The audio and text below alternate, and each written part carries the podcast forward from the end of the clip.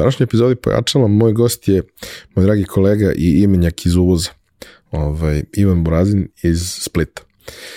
Pričali smo o tome kako je izgledao njegov e, životni put, put jednog neobičnog inženjera koji je imao potrebu da radi neke neobične stvari i da organizuje događaje na kojima će skupiti ljude koji imaju slične interesovanje i energiju i počeo sa tim dosta ranije nego što je to bilo cool. Zapravo njegov život je takav da je mnoge stvari radio pre nego što je to bilo cool, ali onim najvažnijim je istrajao dok ne postanu cool i ne naprave rezultat.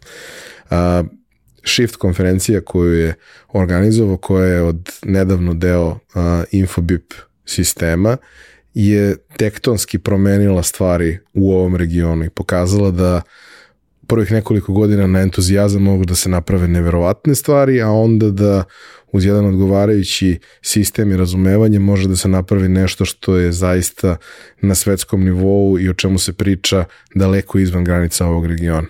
Ali to je samo jedan mali deo njegovog života. O svemu ostalom čućete u ovoj epizodi i moja topla preporuka da pogledate. Realizaciju ove epizode pojačala podržala je kompanija Epson. Epson je već više od 20 godina vodeći svetski proizvođač projektora i štampača za sve namene od onih kućnih do profesionalnih. Posebno vam skrećemo pažnju na aktualnu ponudu Epson Business štampača.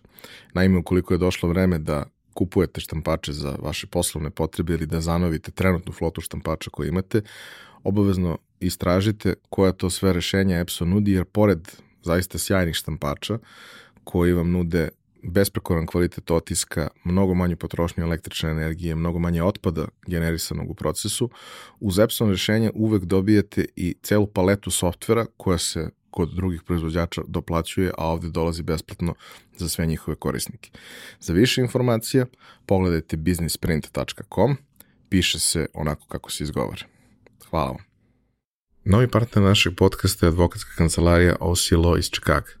Da li imate nedoumicu u vezi sa emigracijom u SAD ili vam je potreban savjet advokata u vezi sa američkim vizama svih vrsta? Sve odgovore možete pronaći na osilo.us ili zelenakarta.us. Za slučaj da želite da nas podržite vi individualno, možete da posjetite link u opisu podcasta na platformi Buy Me A Coffee i tu možete kupiti mesečnu pretplatu ili jednokratno donirati neki jednost koji želite. Hvala vam unaprijed na tom.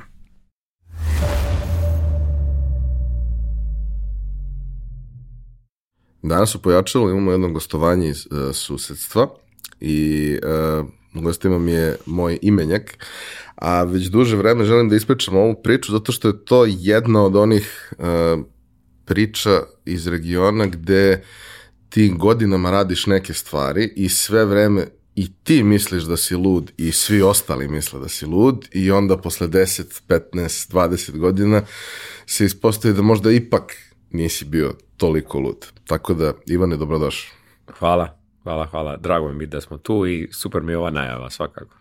Ovaj, pitam te prvo pitanje, isto koje pitam sve ljude. Dakle, proći ćemo ceo tvoj životni put do danas, a možda za par godina ćemo proći i ono šta se dešavalo umeđu vremenu, ali ovaj, nekako sa svim gostima postalo je uobičajeno to moje prvo mančmelo pitanje šta si teo da budeš kad porasteš, zato što nekako sve te stvari o kojima razmišljamo kad smo klinci kad se formiramo, bilo da je to sa 3, 5, 7, 10 ili 15 godina, na kraju, kroz ono što radimo, to se uvek negdje vidi, makar u tragovima. Tako da, šta si teo da budeš kad porasteš? Da, to je dobro pitanje, to smo se malo komentirali, ali meni se to dosta mijenjalo i razmišljao sam o odgovoru sad, e, od malo pre do sada, dosta mijenjalo od kad sam bio ono baš mal, mal, to malo starije i sad ono prvi je meni bio policajac, vidio sam kad si rekao ajme to, Ali nekako odgojen sam čisto radi konteksta, rođen sam u Kanadi, tamo sam odgojen, onaj suburbs, ono zelena trava i to sve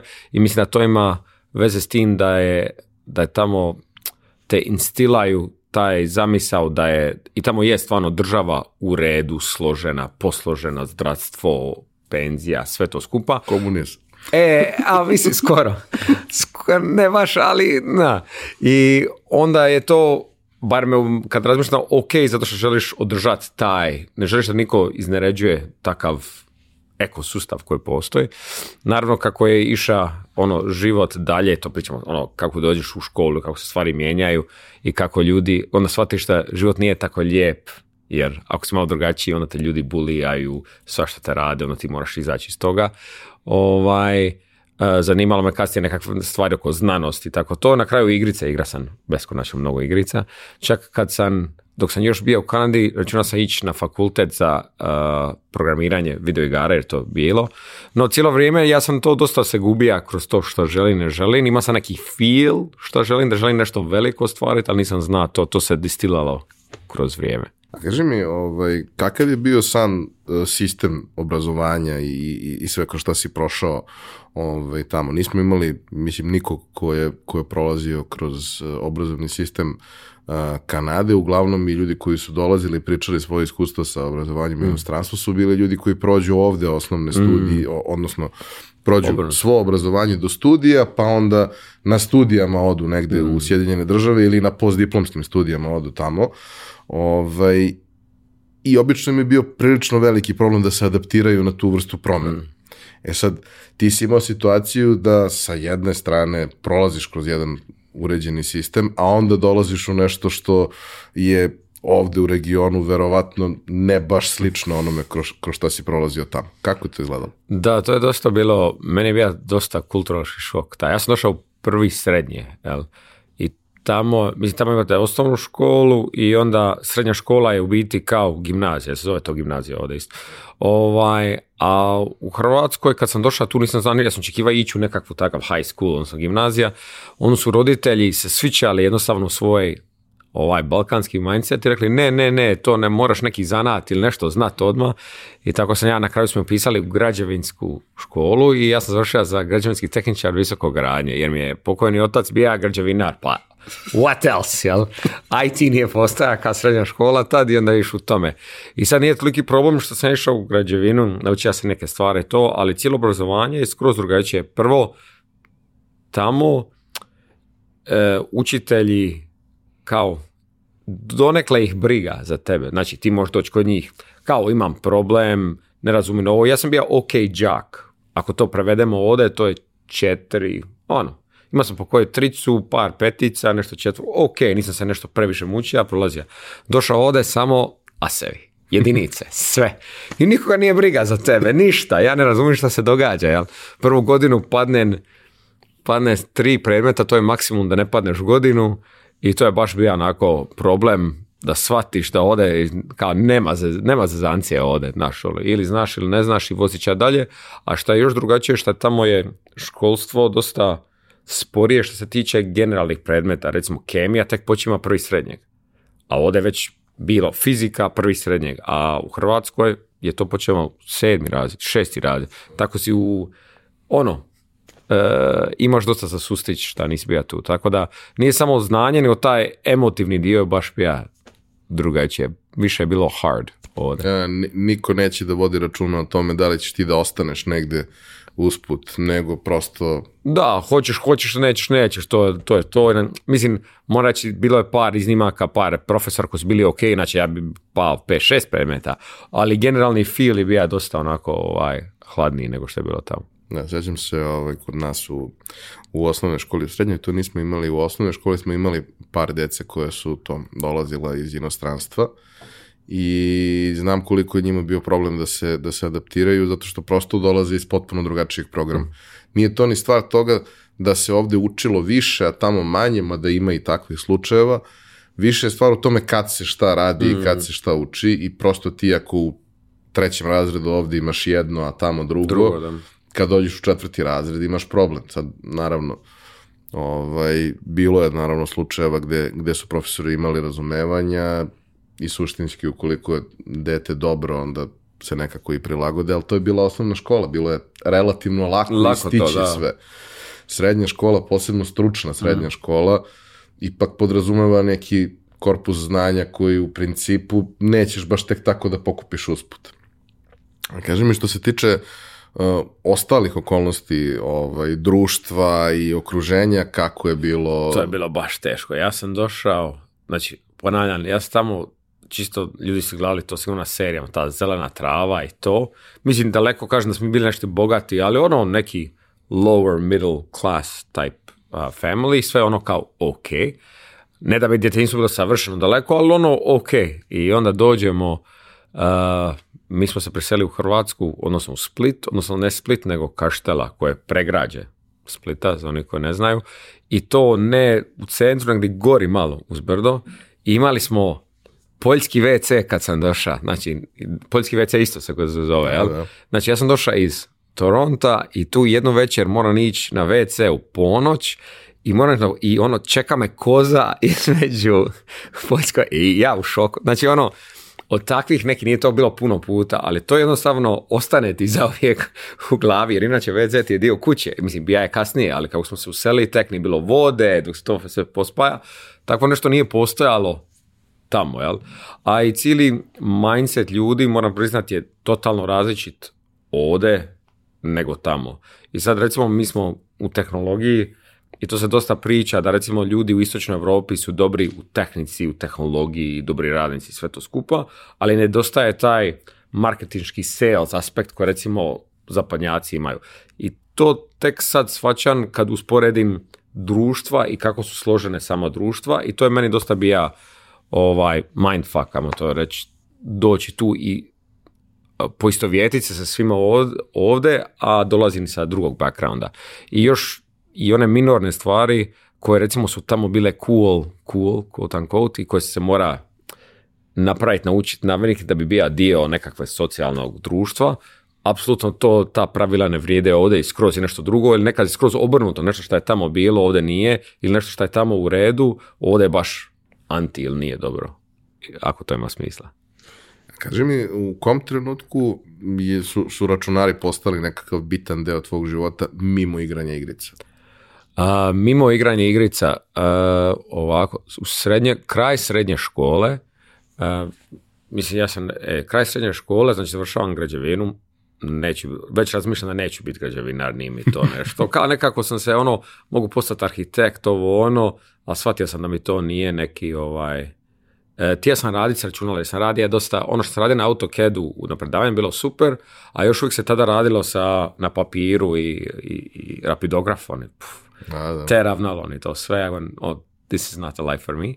Um, I sad ne znam sam ovo još priča, ima se jednog susjeda prijatelja koji se bavija tad piratstvom, onaj CD-ove, ovaj Playstation i to. I on je dosta dobro živio od toga i mi smo bili dobri prijatelji i on je mene kao uveo u to da mu ja ono nešto pomogne, on mene plaća. Ja govorim, e, ovo je već posao. Znači igram igrice po danu i imamo neke naružbe pa pržimo te CD-ove ovaj, malo dostavljamo, neke, ono, nešto zaradimo, ok. I tamo se otvorilo studij računarstvo u Splitu i ja govorim, iako ja ne znam di idem s tim, ali ja govorim, ajde upisat ću se u taj studij um, i kako sam kako sam upisao studij, odlučio sam da više neću to piratstvo se raditi, jer to kao nije to baš najbolje sad da radiš. I počeo sam se nešto baviti web stranicama, nisam ništa znao od tome i paralelno sam počeo ono privatno raditi neke webove, CMS-ove, ovo je davno, znači ovo je 2000 godina, znači tako da ne postoji WordPress ili tako nešto, sve moraš sam raditi i tu je u biti, tu sam počeo zarađivati, raditi te webove i krenja na studiju, u biti tako je računarstvo u biti krenilo u moj život. Znači ti si suštinski, ovaj, ok, naravno, samostalno si učio ono što si mogao da naučiš što je bilo dostupno, ali ti si kroz formalno obrazovanje ušao u tu priču. Kako je bilo tada učiti formalno. računarstvo na fakultetu? A taj dio, ba, čak sve što smo naučili, skoro sve što sam naučio iz računarstva sam naučio privatno, jer tad je to bila verzija e, elektrotehnike.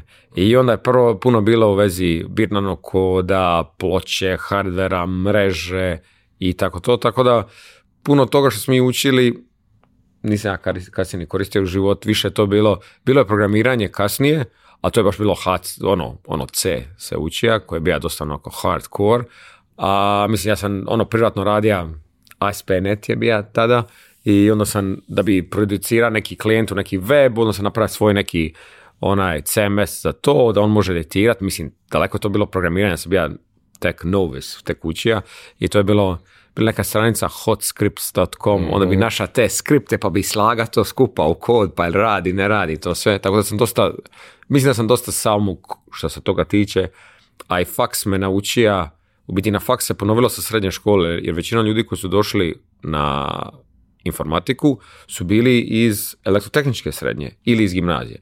I onda pa ja se sjećam kao jučer, predavač je bio, aha, mi ćemo sad imati elektrotehniku, vi to svi znate iz srednje škole, ja još jedan kolega koji ste bio na građevinu, ali visoko, nisko gradnje, kažemo, pa mi to nismo učili. Ha, kaže on, ha, naučite.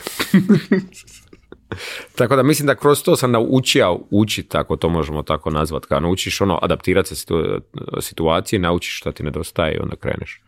A kaži mi, koliko je bio značajan fakultet zbog toga što si bio okružen ljudima koji interesuju slične stvari? Meni, nažalost, čak ne previše. Imam osjećaj da u, na drugim fakultetima, recimo na, u Zagrebu ima FAIR ili ako pričamo u Americi neke druge fakultete, najčešće imaš mladih ljudi koji su svi željni nešto veće napraviti, oni se tu snađu. Jel? Ovaj fakultet se tek osnovao i imam osjećaj da su više bili inženjerskih tipova nego poduzetnički tipova, ajmo to tako reći. Znači ljudi koje ono žele rješavati neki problem tehnički, a ne to riješiti svijetu, globalno, nekom community, ali mislim da je to neka razlika. Tako da sa fakulteta malo tko, bar s moje generacije, je išao, ja mislim da niko od njih čak nije išao privatne vode, ako sad razmišljam, nego svi negdje rade, što nije loše, nego čisto nije bilo onaj, kako se ona priča bude, upoznali smo se na fakultetu, imali smo problem sa XYZ, napravili smo ono, o, neki projekt i onda firma, onda to krene. To se nije desilo. To se meni tek desilo nakon prvog zaposlenja gdje sam upozna trenutnog partnera i co-foundera Code Jer tek na poslu sam te ljude koji žele nešto više napraviti. Ja, e, zapravo to jeste, kažemo, najveći problem i našeg obrazovanja i nekog mindseta koji postoji ovdje u, u regionu, to je da čak i ako se opredališ za tehnologiju, šta god da je specifično opredeljenje, ali ajde, mi smo u IT-u, pa nam je to najbliže, e, ti to vidiš kao sve, a ne vidiš to kao sredstvo da postigneš neki cilj. Tako je. Kao, šta si ti, ja sam inženjer, šta ti radiš, ja programiram. Hmm. A što to radiš? Pa zato što stoji task u Active Collab, u Basecampu ili nečemu slično. Da. pa dobro, kao naš izlazak iz svega toga, razumevanje šire slike hmm. i sve ostalo, to je nešto što se vrlo redko dešava i zato i stalno pričaju o tome i kod nas ovaj, i, i, kod vas da fale product ljudi, hmm. fale ljudi koji imaju biznis znanje i, i, i, i veštine da bi ta industrija zaista bila nešto više od outsourcing industrije, što je u našem slučaju baš ono, i kod nas isto, da. kako je došlo do prvog posla? Ho, kako doći, inače kako doći do prvog posla. Ne, kako, kako je u tvom slučaju bilo? A, kako je u mom slučaju. Mislim, ovo što se tiče e, informatike privatnoj web, biti sam se, tad se još koristila, mislim, bila je web stranica Moj posao, HR, whatever ili .com. I bilo je oglasa izradu weba za jednu softversku tvrtku u Splitu. Znači to je jedan od prvih baš softverski, ne outsourcing, baš svoj softver. I oni su radili integraciju sa Lotus Notes na sa Microsoft Office. It was a thing. I ta, mislim, to je jedan od prvih tih kompanija i oni rade, to bili su jedan najbolji, samo to tržište jednostavno kroz, nisu oni baš prevelika tvrtka, ali to tržište je jednostavno Lotusa, to mislim niko ne koristi više, odnosno koristi valjda neki mali broj. I taj direktor, odnosno vlasnik, vidio moj životopis, ja čak moram ga pitati, susrem ga nekad po Splitu ka šetan i uvijek se javi lijepo, znači on je kao went out on a limb i kao on je rekao ja znam da ti ne znaš, ali ja sam njemu rekao ja ću to napraviti, ja ću to naučiti i ovaj, i ja sam bio čak više sa dizajnom, uvijek su me zanimali stvari koje izgledaju lijepe i čak sam tu bio bolji nego što sam bio sa webom. Programiranjem bio sredstvo da napravim lijepi web. Jel? Ja sam ja lijep, lijepo i onda funkcionalno je bilo U biti, dosta mi je životu više uh, form versus function. Jel? Mora imati malo function, ali, ali više na form.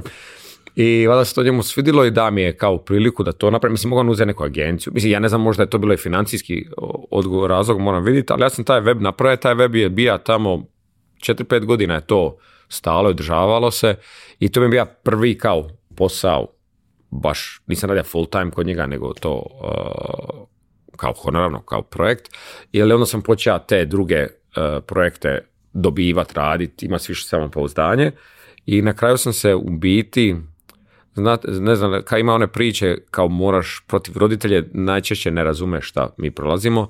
Ja sam, naj, ja sam poklekao biti roditeljima jer su oni rekli, ako već misliš raditi, onda nađi posao.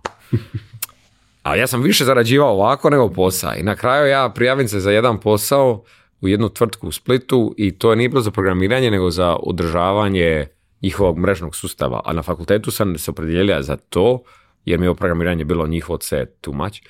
A, ovaj, I ona meni bilo da je, ok, dobija sam posao odmah ponudu, ali bila nešto smiješno. To je bilo 300 eura, je bila plaća, tako nešto. I ja govorim, mater, dobija sam, na meni bilo ideje, jer to je bila jedan e, vlasnik je bio od 20 firmi i ti održavaš svi ti 20. I meni je bila ideja, ja ću dobiti posao i onda ću ja svima napraviti web i tako ću ja zaraditi. Zato, uh, e, fast forward a couple years, tamo sam posao voditelj, um, tog odjela i spin-outa sam to u svoj prvi, uh, svoj prvi kao sistem integrator tvrtku i tu tvrtku sam prodao tri godine nakon toga. Tako da, i tu sam upoznao u toj firmi uh, Vedrana Jukića šta mi je partner u Kodeniver. Tako da, tu je nekako to. Iako možda bilo bolje da se nastavio po svoj, možda bi prije uspio nešto, ali sve ima svoj razlog, valjda. A kažem, kako je gledalo kad, kad dođeš u jedan takav sistem koji funkcioniše, koji je ozbiljan, ima svoju strukturu i sve, i ti dođeš sad sa nekim idejama, ono, mlad čovek, mlad mozak, ima svakakve neke ideje, ali to nikad nije bilo deo nekog sistema, mhm. strukture, svega. I sad ti treba da funkcionišeš u nečemu gde kao ima mnogo ljudi koji već znaju svi šta rade, a ti dolaziš da im mhm. praviš problem, da im komplikuješ e. život. E. Ovaj, kako je prosto to izgledalo šta, šta je najveća vrednost koju si dobio ono, ulaskom u sistem koji je funkcionisao? Pa mislim da kad ulaziš u sistem, evo recimo naučili, tamo sam bio par godina, mislim 4-5 sam bio unutar sistema i baš neki dan sam pričao, sad ovo je fast forward, možda takvim to sa eh, Ivanom Brezakom Brkanom jučer i, i, i on govori meni, pa meni iznenađujuće kako se ti snalaziš u ovaj korp sistem, ja sam mislio da ćeš ti se baš ono, da se neš snaći. I sad, jedan dio razloga toga je što sam proveo to vrijeme, kad sam bio puno mlađi u takvom sistemu, bilo je, nije to bilo prevelika tvrtka, ali bilo je 350-400 ljudi, kad dovoljno veliko da se svak baš ne zna i da se moraš alignati u nekoj hierarhiji. Ali. Tako da, pro, loše stvari toga je da dosta imaš constraints u ono što Kao, mi ako sad se odlučimo, idemo raditi nešto, kao, pa šta, idemo i radimo. Jel? Tamo je, aha, ne možeš zato što ovaj ti ne da, ovaj drži prava, imaš, imaš nekakvi restraints koji ti jednostavno ne dopuštaju sigurnosne, pravilne, whatever, što god može biti i onda naučiš tu unutar tog sustava manevrirat i čitat ljude. Mislim da sam dosta počeo eh, biti tamo sa naučija o socioekonomskoj skali, Znači to sam tamo baš naučio jer sam počeo kao najniži radnik tamo. Znači ja sam doslovno ispod stola buka kabele, prašina po meni, tako to, da bi na kraju nakon četiri godine bija voditelj svog odjela i na kraju bija vlasnik, no suvlasnik, jedan od tih tvrtki koji je dija tog konglomerata, jel? I onda tu sam u biti, kad, kad sam gleda ljude ko skin kako razgovara i, i upravlja i ponaša, sam u biti, tu sam počeo učiti uopće o toj so, socioekonomske i te moći kako ljudi se ponašaju jedan prema drugom. Ne znam, ako vidimo bilo koji stol, sad čisto za primjer, otiđemo na, na večer u restoran i ako ima više od 5-6 ljudi, vi možete vidjeti ako je neko vlasnik, šef ili nešto, jer su svi okrenuti prema toj osobi. Jednostavno, body language je takav. Te neke stvari sam počeo učiti tamo. I to su možda soft skills. A, a druga stvar je što si naučio je ako si privatnik, puno je lakše učit kako prodat business to business, ako si business to business, ako si već bija unutar takvih konstrukcija. Jer nama je, meni isto bilo suludo, recimo kao privatnik da pošalješ račun ili ponudu na tisuću eura kad se bija mlađi, pa tisuća, pa tisuća. kao ko bi to ikad ikad platio? A onda kad uđeš u pravu u nekakve velike korporacije ili biznese, pogotovo sad, mislim, vi imate račune, ono, iznose fakture od milijun eura, znaš, ono, kao, koje ja uopće ne bi pojmio da ikad išta vrijedi izuzev zgrade, nekretnine, da nešto toliko vrijedi. Tako e e, e, e, ja ne razumijem šta mislim, avion može toliko vrijediti, jel? I, ovaj, i onda kao te neke stvari, ovaj, sad možda, mislim, u biti dosta više soft stvari nego što su hard stvari nauči. Opet hard stvari naučiš sam više, više ova biznis ljudi, ta, tako taj dio se nauči. tamo. E, ja sam nekako uvek mislio da, da je vrlo važno i moje iskustvo je tako i sa dosta ljudi s kojima sam pričao je to ono, dominantno iskustvo, mm. to je da super je to što ti učiš nešto i ti možeš da učiš samostalno mm.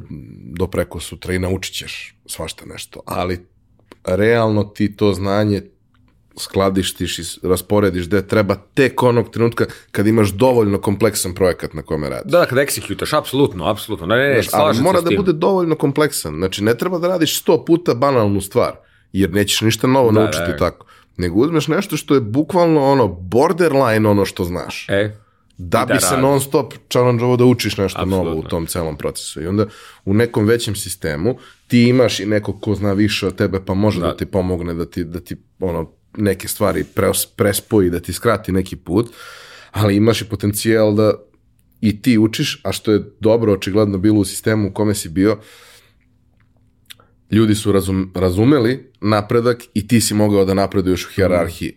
Jer mnogo je strašno kad imaš osobu koja ono, ima veliki potencijal, trudi se i sve, ali hjerarhija postavljena tako da nema napretka, nema, nema prostora. Mislim, uvijek ima borbe od sustava da ti ne napreduješ. Ljudi su složeni svaki je sretan gdje je, ajmo reći, i ne želi da ti, ali ako, mislim da je, da je to generalno za informatiku, odnosno bilo koja nova industrija. Šta je dobro u novoj industriju, ne, nema hijerarhije. Recimo u toj konkretnoj uh, e, tvrci gdje nije bilo IT-a ništa, pa ti, ti kad napreduješ, u biti napraviš samo što se tiče respekta, labele, plaće, whatever, ali ti nisi mora kroz ljudi prolaziti, jel? ali da sam bija u, ne znam, pravni odjel ili whatever, onda bija problem zato što je to već postojalo. I zato recimo imamo sad danas milijardere u tehu i što već, ne mora biti milijarder, ali strašno uspješni ljudi koji nisu morali prolaziti staru hijerarhiju od bilo koje industrije zato što nije postojalo e, stari voditelji, mislim u svakoj, eh, u svakoj industriji imate velike kompanije koje drže kad se konsolidira tržište u naftu, u granju, whatever, industriju, Vrlo rijetko ima neki novi, jako evo, Tesla je došla, to je zbog toga što je različite po tehnologiji i onda vi možete vrlo lako, ovaj, eh, vrlo lako, vrlo teško, s puno truda, ali bez odpora sustava doći do nešto drugog. Ali ono što si ti rekao sad je vrlo zanimljivo i dovoljno, doslovno eh, reka si, rješenje života, sad ovo što si rekao. Znači, rekao si da ti sebi nakon učenja uh, moraš sebi staviti dovoljno kompleksan zadatak koji ti je borderline da ga možeš uspjeti. Ja?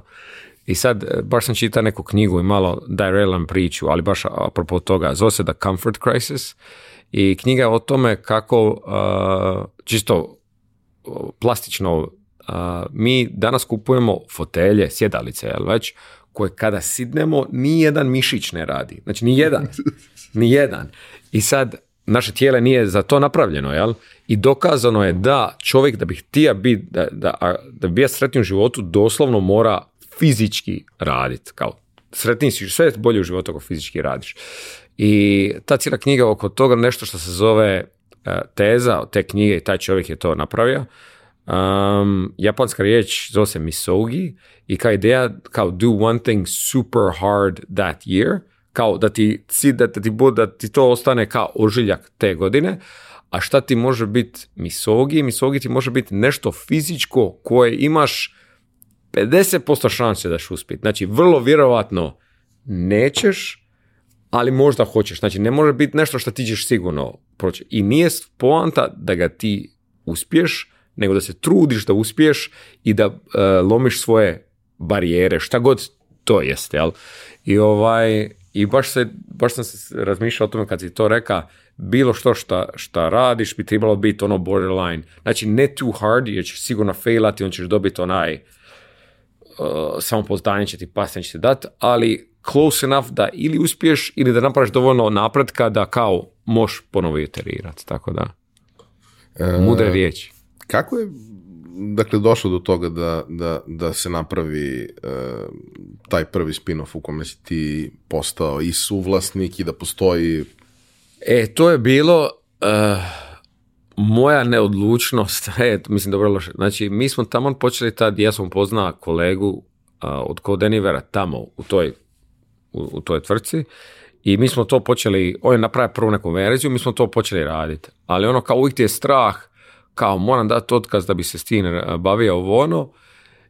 I kao im bilo mi je strah dati otkaz. Strah mi je bilo. A onda ja govorim, ma na šta ću napraviti? Ja ću reći ovome vlasniku, gledaj, meni tu nema smisla, nema dalje napretka, došao sam dokle mogu. Kao, ili mi to odvojimo kao novu firmu i mi ti radimo što smo radili. Znači, tvoje kosti, od dosta ovako bila prezentacija, ja, kost prema tebi je isti koji si sad, imali smo tri zaposlenika, i ured, stolica, ja sam računa koliko to košta.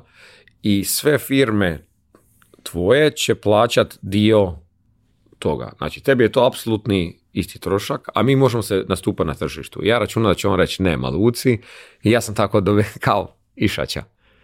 I čovjek kaže, može, 51,49. Ja govorim, ne može. Govorim, ajde 50-50.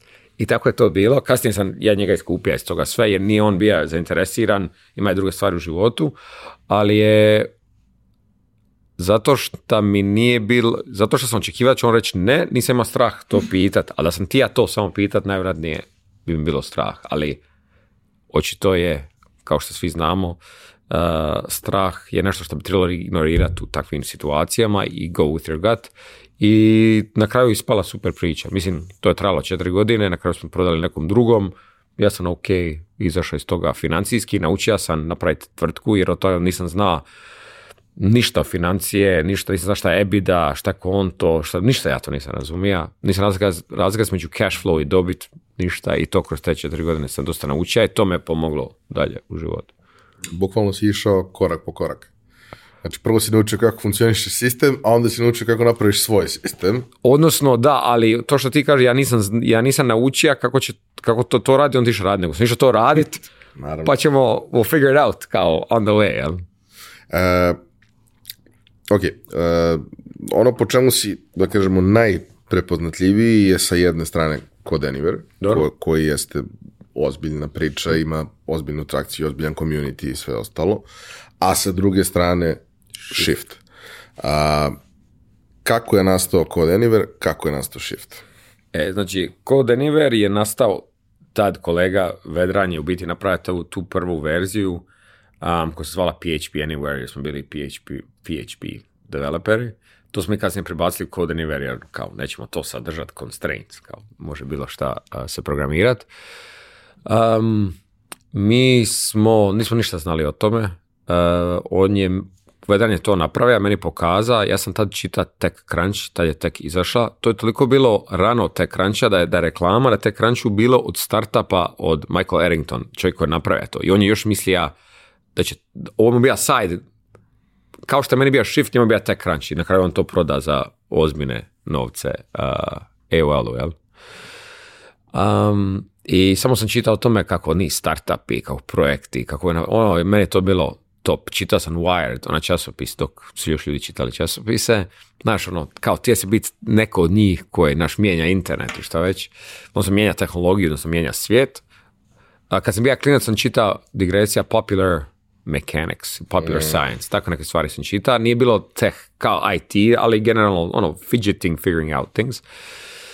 I ja govorim ovo vrijedi, ovo možemo napraviti čudo, jer ta mi možemo napraviti, tad se tamo stvara Google Docs. Google je kupio neku firmu, ja govorim ovo je Google Docs od programera, idemo to. I on kao Hrvat, samo nema da me hejta ako sam sluša, reka, ma nema šanse da će od toga biti šta mi, Split, tako će. Ma može, može, može, ka idemo. I onda on me reka, evo je pola, pa ti dragi ti meni to napravi sve da bude. I tako je krenija taj kodeniver i sad kroz put od kodenivera, je to može biti zasebna priča da krenemo na shift, samo što je to je na shift jer mi smo s kodeniver, kao nismo ništa znali, misli da trebamo rejzat novce. A da rejzat novce nismo znali VC-ove, ali smo znali da postoje startup competition i konferencije gdje su VC. Pa smo mi se aplicirali na svaku konferenciju. I tako smo mi išli Peking, odnosno Beijing, eh, London, San Francisco, svugdje smo bili. Niko nam nije da cente, niko, ali smo došli na stage i pričali. I kako se meni, meni to bilo strašno drago, te konferencije, ta energija, ta we wanna change the world. I ja sam odlučio napraviti konferenciju u Splitu, jer ako ti VC mi neće dati novce, bar ih mogu zvat pa nek pričaju tu na konferenciji u Hrvatskoj. I tako je postao prvi event. I prvi event je, došlo je 250 ljudi, i izgubili smo jedno 5-10.000 eura u minusu smo bili, a ljudima je bilo zabavno.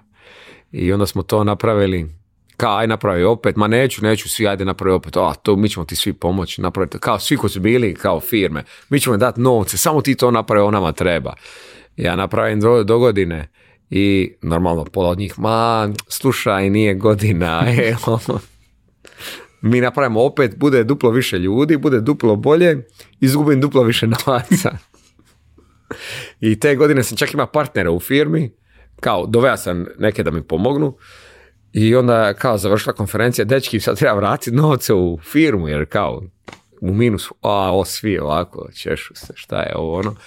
I ništa je gore, ništa, aj, ja ću to iskupiti od vas, ja ću platiti sve i ok, jer ja sam imao tu onu firmu prvu kojoj se nešto zaradio i kao riješimo to. I ja treću godinu, pa brate, opet sam izgubio novce. A top konferencija, znači sad je već 600-700 ljudi, dva dana, sve. Ja govorim, pa ne mogu od do vijeka, šta ćemo mi sa ovim?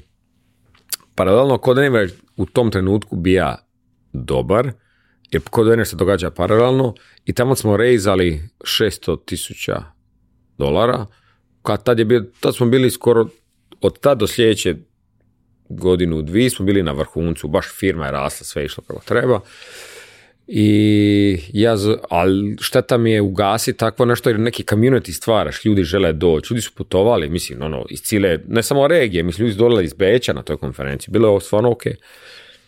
I ja pitam svoj board iz Code Anywhere, aj da mi nalijepimo um, shift by Code Anywhere. I sad to vas košta, mislim, nas kao Code košta nula, samo ako budemo neki minus, daj, pokrite mi taj minus, kao da ne moram ja to iz džepa. I malo ćemo uh, shiftat na developer. Ono što je zanimljivo je, dobija sam ideju od toga, uh, od Twilio, koja je konkurencija Infobipa, jer Twilio ima svoj developer conference koja se zove Signal, zove se Twilio Signal, i šeta sam u San Francisco jedan dan, kada je to bilo, i vidio sam jedan speaker sa shifta mog startupovskog, da priča na Twilio developer konferencija. Ako može, mogu ja to. Onda mi je tako došla ideja i tako smo zvali to Shift Code Anywhere. I nije bila reklama od Code Anywhere, nego će developer speakeri. I što se desi? Zaradimo pare.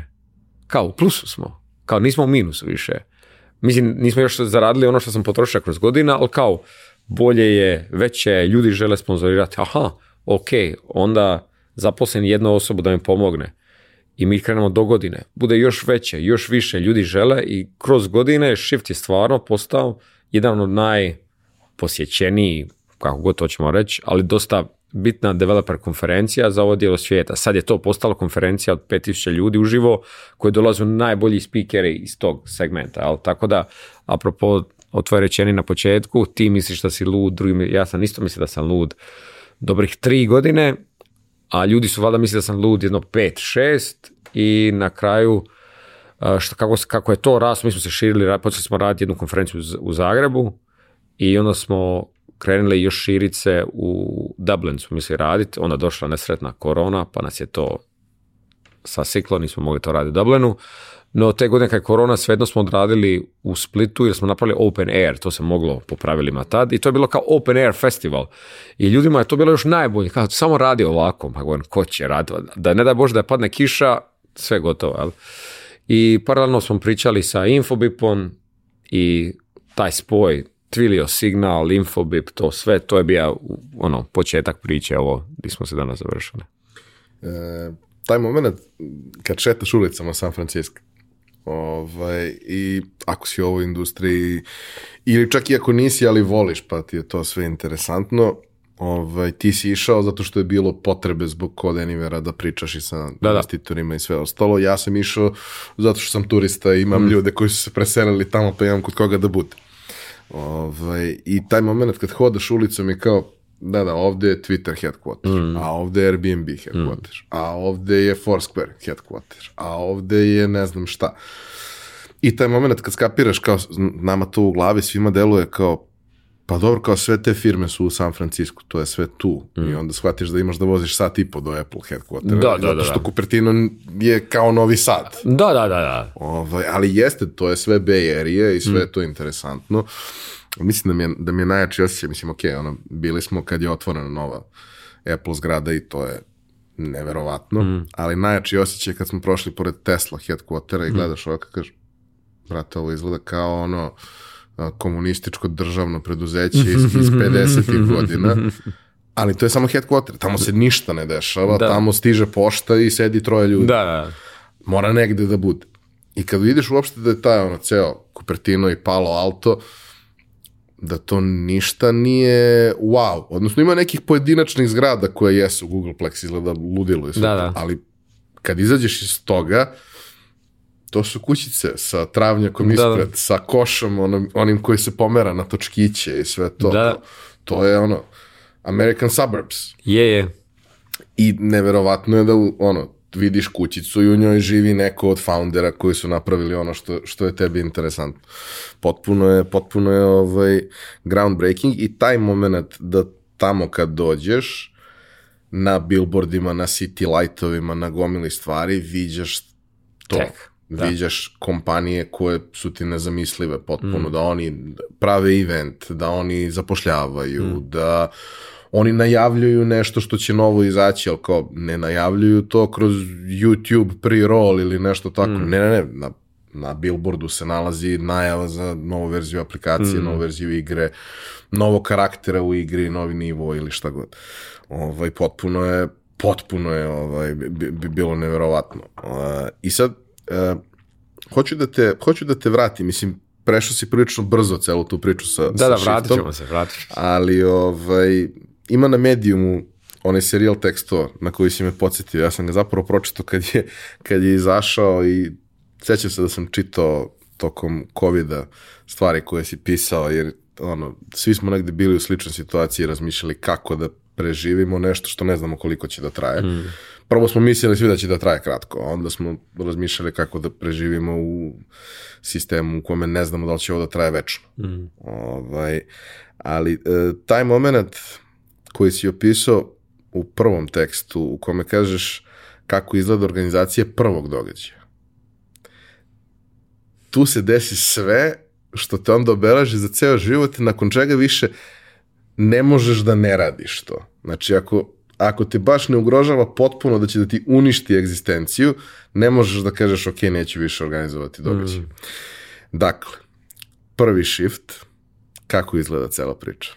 Pa prvi shift je bio, znači mi kad smo to odlučili organizirati, mi smo to ušli kaj sve do sada, znači kao, a, ajmo to napraviti, ono fuck it moment, kao, idemo mi to napraviti.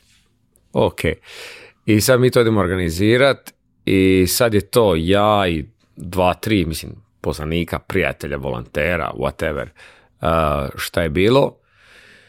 I mi to idemo raditi, kao, bit će to ok. I onda imaš nešto šta, onaj entuzijazam kao ideš raditi konferenciju, bit će top, bit će top, bit će top, napravit ćemo i onda, znaš, stvari se ne, ne događaju i onda ti, ono mjesec i pol prije jednostavno ti padne to sve i ono dođeš ono, di sam ja, ovo neće nikad uspjeti što već.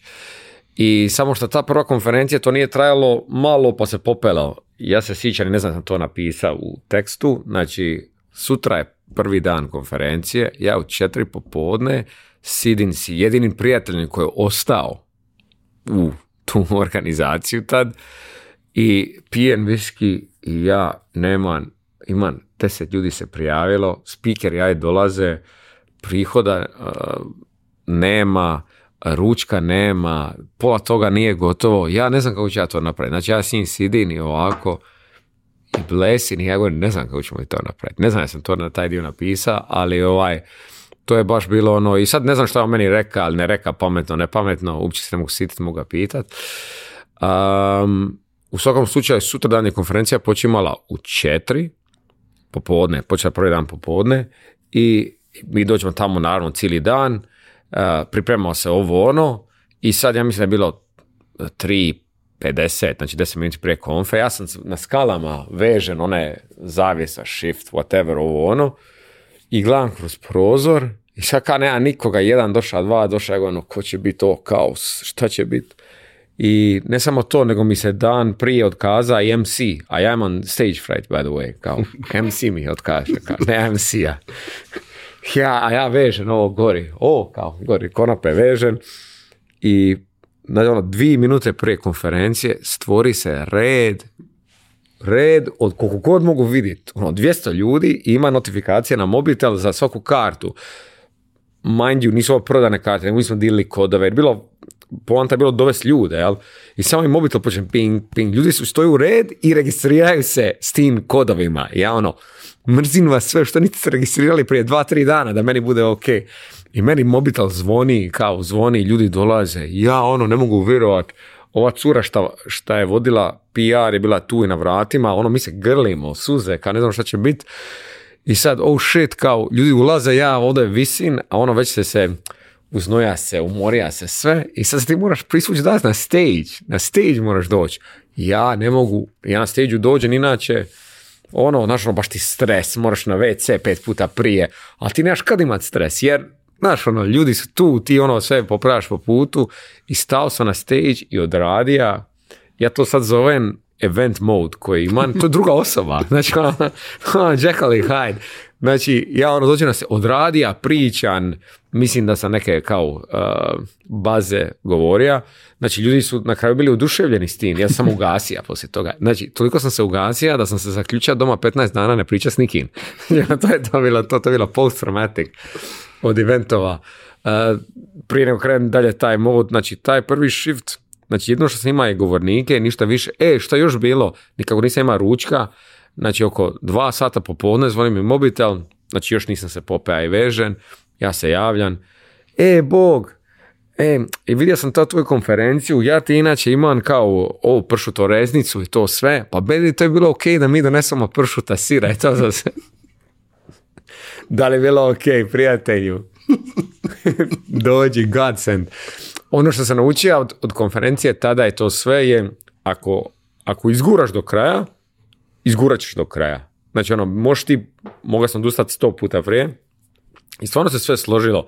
Bio neki after party, znači naravno ljudi su neki bili nezadovoljni, nije bilo, bila kave, znači dogovorili smo kavu i tu ručak. Ali ako ti nešto jest između, to je cijeli dan, nisi ima što, moraš ići preko puta, malo su ljudi ono to ali na kraju krajeva bilo je 250 ljudi, bilo je, startupi su pićali, znači drugom isto je svoja Photopay tada, što je Photomath, što se danas jučer prodada Google, znači oni su pićali na stage, ono, bilo je baš for, evo sad sam, osjećam se dobro dok to pričam, ali koliko je to bila muka, ono imam osjećaj kao film, znači ono, kraj svijeta i onda probudiš se ujutro i onda, znaš, poleti to sve skupa, tako da, ne znam si na to aludira, ali to je baš bio jedno iskustvo. Taj moment, ono, svako jutro ustaješ i pitaš se šta ti sve ovo treba, ali onda dođeš tamo i shvatiš da bez obzira na to što ima hiljadu problema koje treba rešavati u hodu, magično je. E, magično je. Kad se to sve, i to nema u niti jednom, čak sam gleda uh, kao most stressful jobs in the world, tipa event organizer je broj šest. Znači to je prije firefighters ili, ili iza. Znaš ono kao, dosta je to high. I recimo druga, drugi shift kad je, kad je išao, ja se sićam, kiša je padala svaki dan do konferencije, a konferencija je bila polu, znači unutra u venju gdje je bija je bija zatvoren, ali je bija kad centralni dio koji je otvoren, koji je bija za mingle, jel? I tako ne želiš kišu. Ja svako jutro se budim u šest, ja se ne budim u šest inače. Ti cijelu noć sanjaš to, noćne more, znači sedam dana prije i stojem ja na balkonu jutro i kiša, pa kao, dokle, kao, why, zašto mi ovo radiš, ono, zašto svemiru ti ne ovo radiš. I dođemo taj dan i padala je kiša, ono lagana tu i tamo koje kap, prvi dan, drugi dan već sunce, tako da je nikome nije smetla, sve bilo ok, ali nekako sam došao do, i skroz sam razgovor sad doveo drugu stvar, sad ljudi to zovu kako dođe, ja to zovem svemir, ti možeš to zvat Bog, možeš šta god dođeš, ali kad ti odlučija nešto istinski u sebi, to se stvarno desi da se vratim samo na shift, covid shift koje nama su svi prihodi bili srezani, firma je trebala propast, sve trebalo bi gotovo i onda izađe zakon da možete e, napraviti na otvoreno i samo na otvoreno. I mi sve novce što smo imali, mi smo čak izgubili smo dosta novaca na Dublin sve što smo imali uložili u tu konferenciju. Da je pala kiša, mi bi morali vratiti sponsorima novce, ja propa, gotovo. Ja sam rekao, neće kiša past. Neće past, mi idemo all in. Meni se ova ekipa već nas je bilo pet u firmi, oni su kao, ko zna oće li neće, neće past. I nije pala. Znači, bila, znaš, je li to slučajno sve što već konferencija najbolje na svijetu, odlučio sam da će biti i nekako taj shift svake skoro godine, bilo se dvije godine nije bilo, bila uvijek neka drama. I uvijek na kraju nekako, to što ti kažeš, odlučiš to i nekako se poslože sve kockice da se to napravi. Naravno, trebaš puno raditi, da ne misliš da sidiš i zvujiš u sunce i misliš da će se desiti, nego uz taj tvoj rad, jel? E, mislim da je dosta bitna stvar i taj e, shift. E. Iz toga da to bude startup konferencija, jer u mhm. tom trenutku to jeste buzzword u celom svetu, kod nas počinje jeli, da se dešava, ima i nekih dobrih mhm. lokalnih, regionalnih primjera, ali ima i stranaca koji rade neke cool stvari pa gledaju svoju priliku ali tu pričamo o nerazvijenom tržištu u smislu niko tu nema para, oni su svi došli tu da, traže neki novac. Vrlo je teško naći neku vrstu finansiranja. Mhm. Energija je nevjerovatna, super je varijanta da napraviš dobru atmosferu, da napraviš dobar brend, da bude prepoznatljiv i sve, ali izvesno ćeš biti u minusu kao što ste vi bili. Mhm. Mislim, i taj moment što, što ste ti u jednom trenutku rekao, kao tebi uvijek bilo važno da stvari dobro izgledaju, shift je dobro izgledao od prvog dana, sećam se. Mhm za to vreme, za te okolnosti izgledao je mnogo ozbiljnije nego što je bio. A to je bitno kad nemaš drugi način da saznaš o tome nego da vidiš na webu. Mm. Pa kad dođeš, znaš, ono, primetit ćeš svaku nesavršenost, ali ako je overall bilo dobro, idemo dalje. Za to su eventi. Nikada nije sve idealno. I ne može biti, da. Ovaj, ali taj moment uh, prelaska u developersku konferenciju, prvo mislim da je to bilo jako važno za ceo region jer je donelo mnogo znanja ovde. A mislim da je i za vas bilo važno jer je to suštinski bio jedini način da ta priča postane održiva, održiva na duge staze i da može da raste. Možda bi ona bila održiva i kao kao startup, konferencija, ali nikad ne bi napravila neki realan novac, nego bi bila to kao eto imamo hobi, to je to, da. Volimo time da se bavimo, neko trenira decu futbal, mi pravimo konferenciju. da. Ali ni u jednom ni u drugom slučaju nema para. E sad, e, hoću da, da, probaš da objasniš e, šta se suštinski menja u toj, u toj situaciji kada iz jedne, jednog vrlo onako amaterskog, entuzijastičnog googla sve, ideš na to da radiš nešto što je za profesionalce. Nešto što je mnogo ozbiljnije gde pričaš sa ozbiljnim firmama, za ozbiljne budžete, za ozbiljna sponzorstva, gde se priča o nekim hardcore tech temama što mm. kod nas nije postojalo. Da, a mislim, to se vraćamo na ovo što smo pričali o o, regiji gdje mi jesmo, jer mi jesmo inženjerska regija, ljudi, to što se reka kao startup, to više ima smisla na zapad i daj Bože to bude ono normalno kod nas u regiji sada i u buduće, ali tada pogotovo nije i onda se adaptiraš tržištu, jel? I sad mi stvarno smo imali tržište developera, nebitno da li su oni bili product firmi ili outsource firmi, ali si ima taj ovaj dio, tako da to je onda, i nisam ja svačao koliko je to bilo bitno. I sad kad sam radio druge konferencije, onda uvijek mi je prvo pitanje ko ti je market, to nisam znao, ko ti je market za sponzor, znači ko će to platit, a drugo ko će to doći slušati. I ako imaš te dvije stvari, onda možeš to napraviti, jel? a ne biti mladi ljudi i reći je, to mi je cool, da to radi Anyway, bilo je puno učenja, dobra stvar je Šta sam kroz startupe učio o iteracijama, jel? I meni je shift bio tad još uvijek jedan put godišnje, pa iteracija trajala, bila je dosta je sporija, ali je bilo. I tako mi smo prvo godine napravili shift, shift, shiftali smo shift, sorry, um, sa startup na dev i mi smo to najavili da je i imali smo labele kaj predavanja, znači ovo je kao tech, ovo je kao, um, ovo kao startup, whatever. I bilo je dosta nesporazuma i nezadovoljnih ljudi, jer svaki put imaš onaj, onaj survey na kraju konferencije, onda su bili ljudi koji su tili i vidiš po ko su oni ljudi koji su tražili više onaj startup pićanje, taj dio ovaj, inspirativnih tokova, onda vidiš da oni nisu developeri i njima je nedostajalo da ima puno toga, a s druge strane developeri su rekli ima mi previše light, nemam i tech teme i to sve, tako da je bilo, ta godina je bilo dosta i jer si izgubija ove startupovce, ali nisi dobija developere, tako da je to bilo malo ono left and right, ali dobra stvar je što smo mi to čitali njihove komentare i rekli smo, nismo se uzeli jednako, nego ovi koji su, vidiš po titulama koji su devs, ok, njih moram slučajno, znači sljedeće godine mora biti full HC dev teme, jer idemo all na to i onda smo se morali baš objašnjavati tako reći marketirat, da smo full dev, da ono, prošle godine smo se zeznili, bila je transfer godina, mi radimo ovo i onda smo morali sa speakerima, sa predavanjem što prije izaći, i svim i sponzorima objasniti, e, nije to što ste bili prošle godine, nego ovo što će biti ove godine. I taj dio je bio dosta onako triki za izdržat. Ali ovaj, kad smo to uspjeli napraviti, onda naš, ljudi su imali ono, kako se to zove, malo je bilo kao, aj doćemo, whatever, virovat ćemo ti, ali kad su izašli, tek su onda rekli, aha, to je stvarno to što smo htjeli, to su predavanje što smo htjeli i tad je tek krenilo, znači koliko godina treba, znači tri godine shifta, pa jedna godina startup, jedna godina transfer, pa jedna godina full dev i tek, znači šesta godina u biti gdje je počelo sve se slaga na svoje mjesto, gdje je Google postao sponsor, gdje je Mozilla jedne godine bio sponsor, gdje je Facebook nije nikad bio sponsor, ali sla svog, nego, znači, gdje je to se počelo ovaj, sve skupa imati smisla. E, taj moment e, gdje ti suštinski razočaraš one koje si do tada okupio to je strašan moment, ali je to često neophodan korak da dođeš do onoga što, što ima smisla. I e, pravi ljudi će razumeti, neki nikada neće razumeti, neki će uvek insistirati na mm. tome da to treba da bude onako kako su oni zamislili. Mm. I uvek šta god da napraviš, kako god da napraviš, uvek ćeš imati negativne komentare. Mm. Ovaj, ja uvek radim survey na kraju događaja i uvek pročitam sve, ali kad sam bio mlađi, svaka stvar me je naravno pogađala. Da.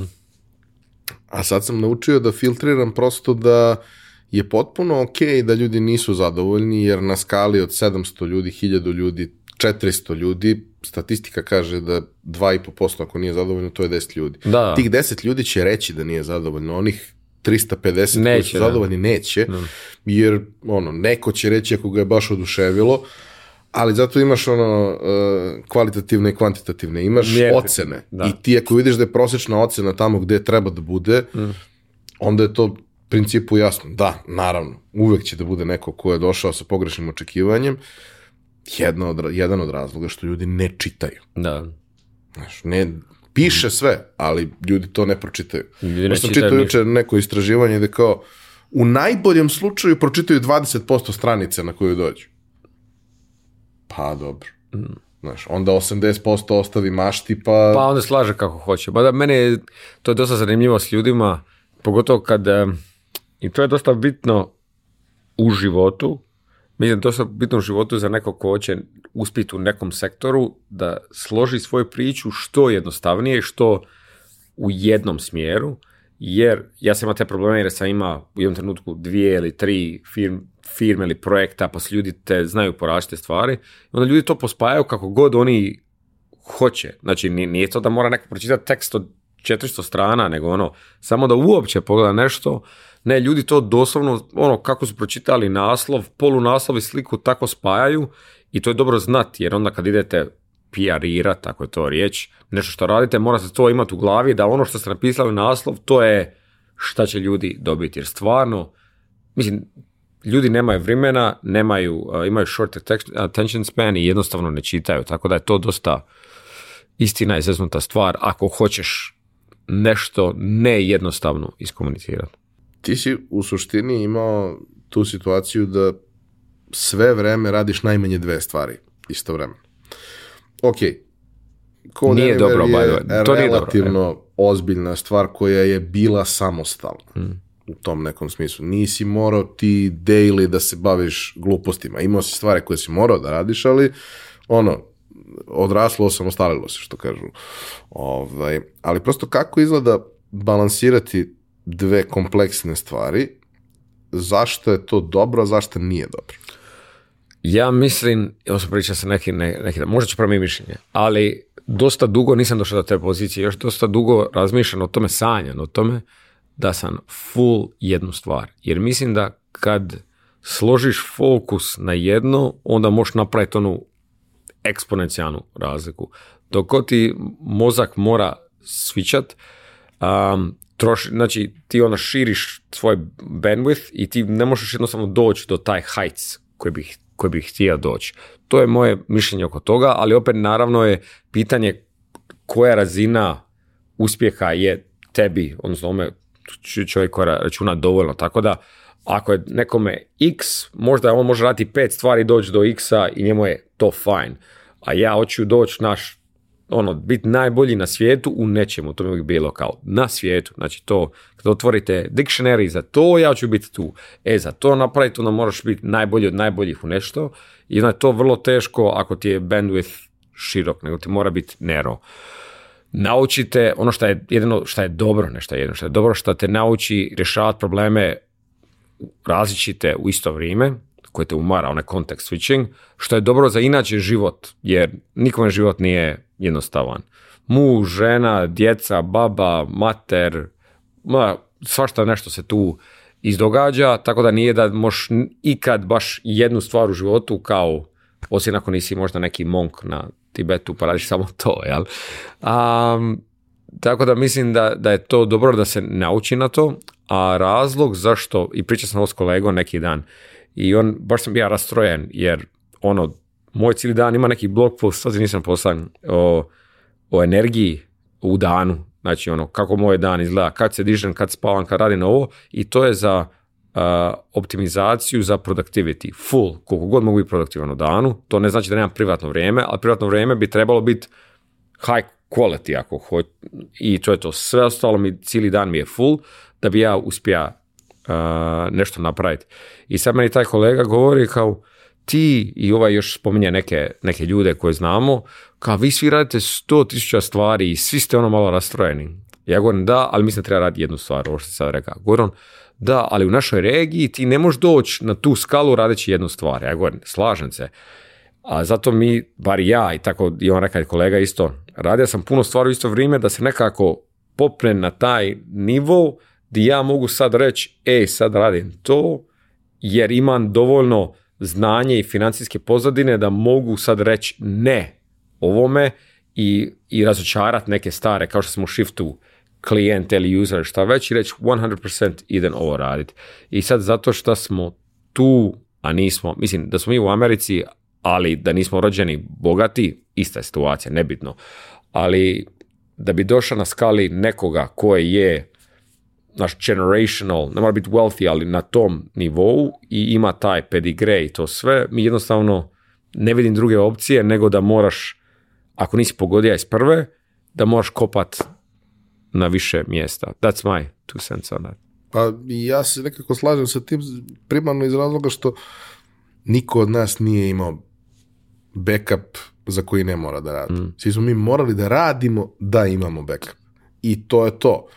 Znaš, ok, u startu ti treba jako malo zato što si sam i živiš sa roditeljima i sve, pa ti je backup sat vremena rada na nečemu, ali kasnije kako život postaje kompleksan, kako, što kaže onog trenutka kad dođe kredit za stan i leasing za da. auto, onda se prosto količina stvari koje ti moraš da uradiš da bi bio na nuli, odnosno količina novca koju moraš da skupiš da bi bio na nuli, drastično povećava. Da. I onda kad ti neko kaže, pa dobro, ali što se ti ne posvetiš onome što najviše želiš, pa zato što sam odrastao čovjek. Da, da, da. zato što sam odrastao odgovornosti, da, imaš odgovornost. Ovaj. E sad, zapostavili smo prilično u toj celoj priči Code Anywhere. Mm. Ovaj, ajde ja probam da kao malo objasnim situaciju. Trenutak kada ste se vi pojavili, krenuli da pričate ovaj, o tome i kada je izašao prvi proizvod i sve, je u suštini trenutak kada se mnoge stvari premeštaju iz ono dedicated aplikacije u to da možeš neke stvari da radiš u browseru. Mhm. Nama je bilo svima nezamislivo da ti možeš u browseru da radiš bilo šta kompleksno, ali danas svi koristimo Google Docs kao Figma. Ono, whatever. Figma, naravno. ka e, kažemo, Google Docs je možda bio prva stvar tog tipa gde ti kao shvatiš dobro, nije baš toliko smooth kao kad mm. radiš u Wordu, ali imaš real-time kolaboraciju mm. dokumentu, što je za neke stvari fantastično. Nije možda Sheets toliko moćan kao Excel, ali tebi stvarno treba tih ono, ono 10% najmoćnijih fičara. Pareto principle, 80-20 rule. On ima 80% radi kako treba. Dovoljno brz internet, dovoljno moderni i stabilni brauzeri da mogu da renderuju takve stvari mm. bez većih problema. Znači ja se sećam i onog perioda pre, pre toga sa ESI testovima i time šta može da se izrenda u kom brauzeru mm. i, i ono praviš tri CSS-a za tri brauzera. brauzera da, da, da, da, da. Treba. Znači sećam se ja svega toga, radio sam to, ali to se dešava kao dešava se taj sweet spot da mm. čak i mi ovde imamo dovoljno brz i stabilan internet, da imamo tehnologiju koja omogućava da se to prikaže na pravi način i vi suštinski pravite Ehm, rešenje koje u brauzeru ti nudi mogućnost da radiš sve ono što si radio u nekim editorima mhm. koje si imao na svom računaru, što suštinski znači da možeš to da radiš sa bilo kog mesta. Mhm. Da ne moraš da imaš ni svoj računar kod sebe, nego se uloguješ i nastaviš da radiš ono gde si, gde si krenuo da radiš. I ono, redak je bio slučaj u tom trenutku da imaš profesionalni alat za, za neko ko se bavi tehnologijom koji se izvršava u browseru. Mm. Imao si te everyday stvari za ljude, sve je to u redu, ali kao profesionalci su i dalje držali onih svojih nekih mm. interfejsa na koje su navikli, aplikacije na koje su navikli. Kako je izgledalo uopšte graditi tu priču? Mislim, ok, napravili ste neko prvo rešenje, ono jeste bilo okrenuto ka PHP-u jer je bilo vaša tehnologija, onda ste shvatili da suštinski sistem je isti, samo je potreban drugačiji highlighter i slično i to će sasvim lepo da radi mm. i, za, mhm. druge tehnologije, ali kao kako prodaš priču i potencijalnim investitorima i korisnicima i svemu, da treba da promene ono na što su navikli. E, sad, to je sad duga priča i to je problem. Znači, tu mislim, to je zanimljiva priča. Mi smo krenuli uh, s tim ozbiljno 2013. 2014. Tu smo skupili oneći 600 tisuća um, i nama je growth krenula. Znači, mi moramo, to što se rekao, promijeniti način rada developera. To je naš pitch kao Developer će ići u cloud jer sve u cloudu.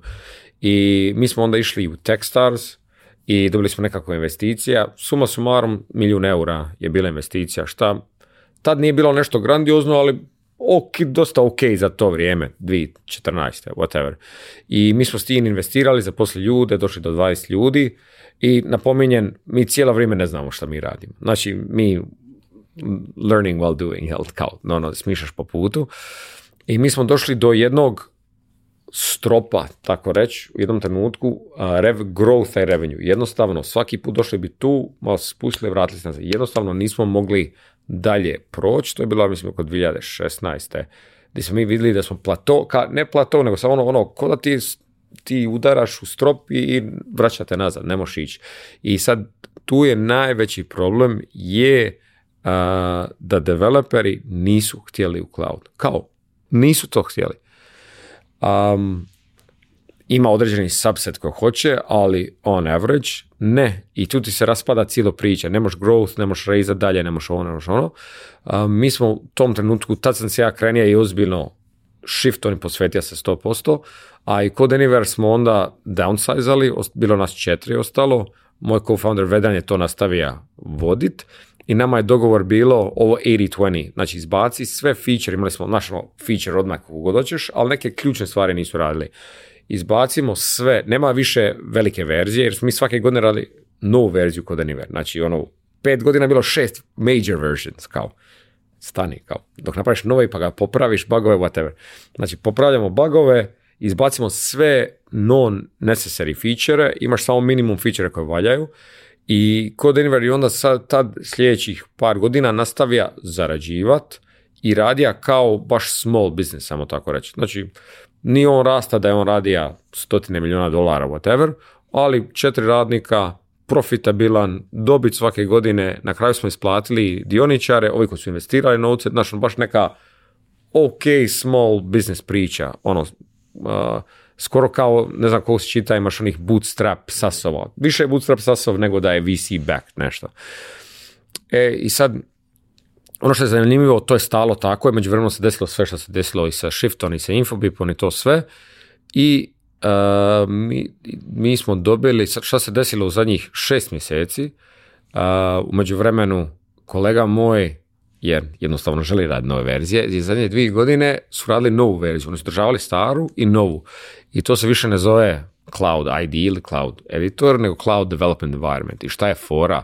Fora je u tome da ne nudiš specifično u browseru editor, iako to ima out of the box, nego nudiš cijeli taj development environment za oni koji nisu developeri, za razliku od pisanje teksta da bi čovjek pisa kod, on ga mora moći izvršiti. Da bi ga mora moći izvršiti, mora imati neki RAM, CPU i nešto, tako da ti to nekome moraš omogućiti u internet, jel ta je to računalo. Mi smo to uvijek nudili, a, ali je bilo naš editor i naš kao računalo u cloudu koje smo mi odlučili da će biti takav i to je to, nije bilo lijevo ili desno od toga.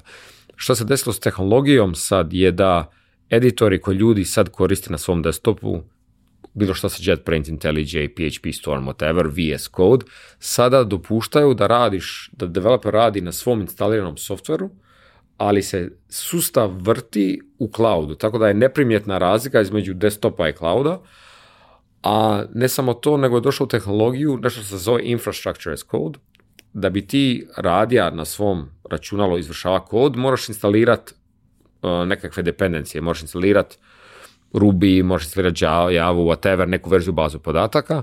E sad, nešto se zove configuration drift. Ako ja i ti radimo na neki projekt, Uh, dosta često se desi da ja nešto instaliram kod sebe, a ti nisi i onda tebi to ne radi. I onda configuration drift ili works on my machine problem. To se zove tako zato što čovjek kaže it works on my machine, you figure it out. Kao, zato se to zove tako i developeri troše na to od 2 do 15 sati tjedno na rješavanje tih problema. E sad, kod infrastru, kod ovih novih sustava da imaš infrastrukturu kao kod, onda unutar taj kod se mi pišemo, ima jedan fajl koji kaže eh, instaliraj javu, instaliraj taj, instaliraj to sve i onda kad mi radimo skupa, mi uvijek, ako koristimo takav sustav kao što je sad kod um, mi koristimo editor kaj prije, a sustav je definiran u kodu. Tako da ja i ti imamo isti, jer Code Universe sustav instalira isti sustave za nas i to radi. I sad, što se desilo sa tim tehnološkim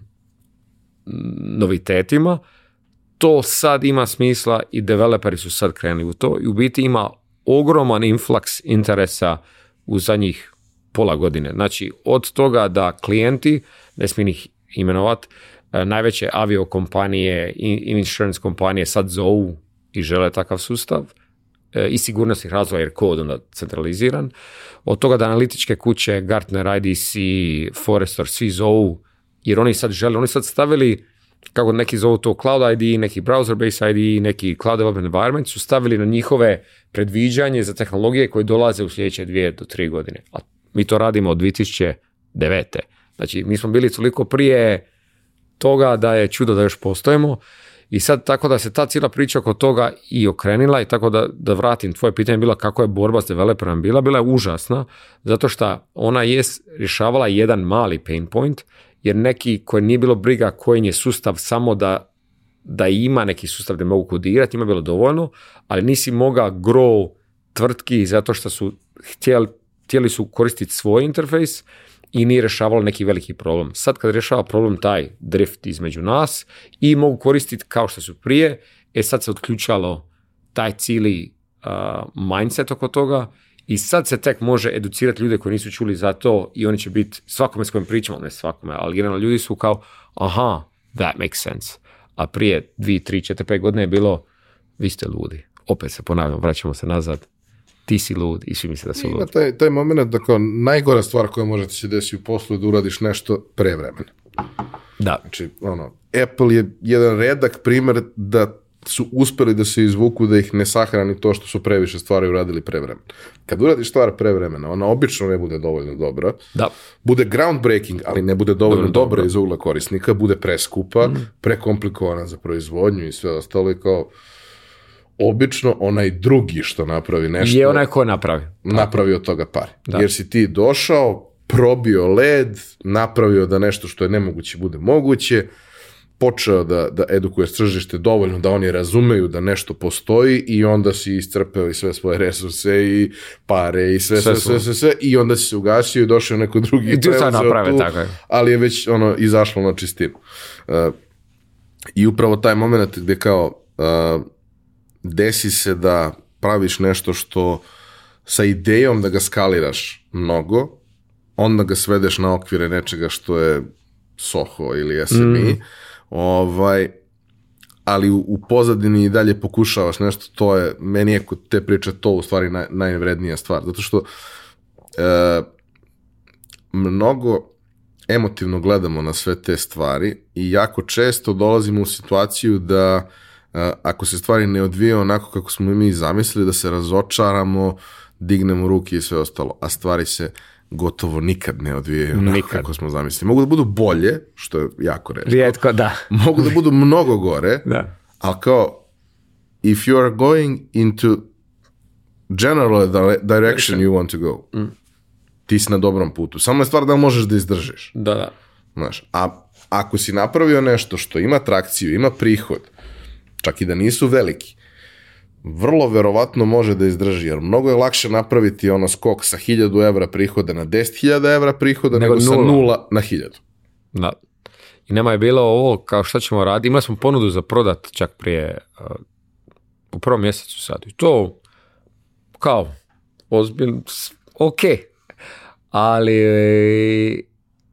neće, riješit će sve životna pitanja, ali nećeš ono Pravi djeci to sve.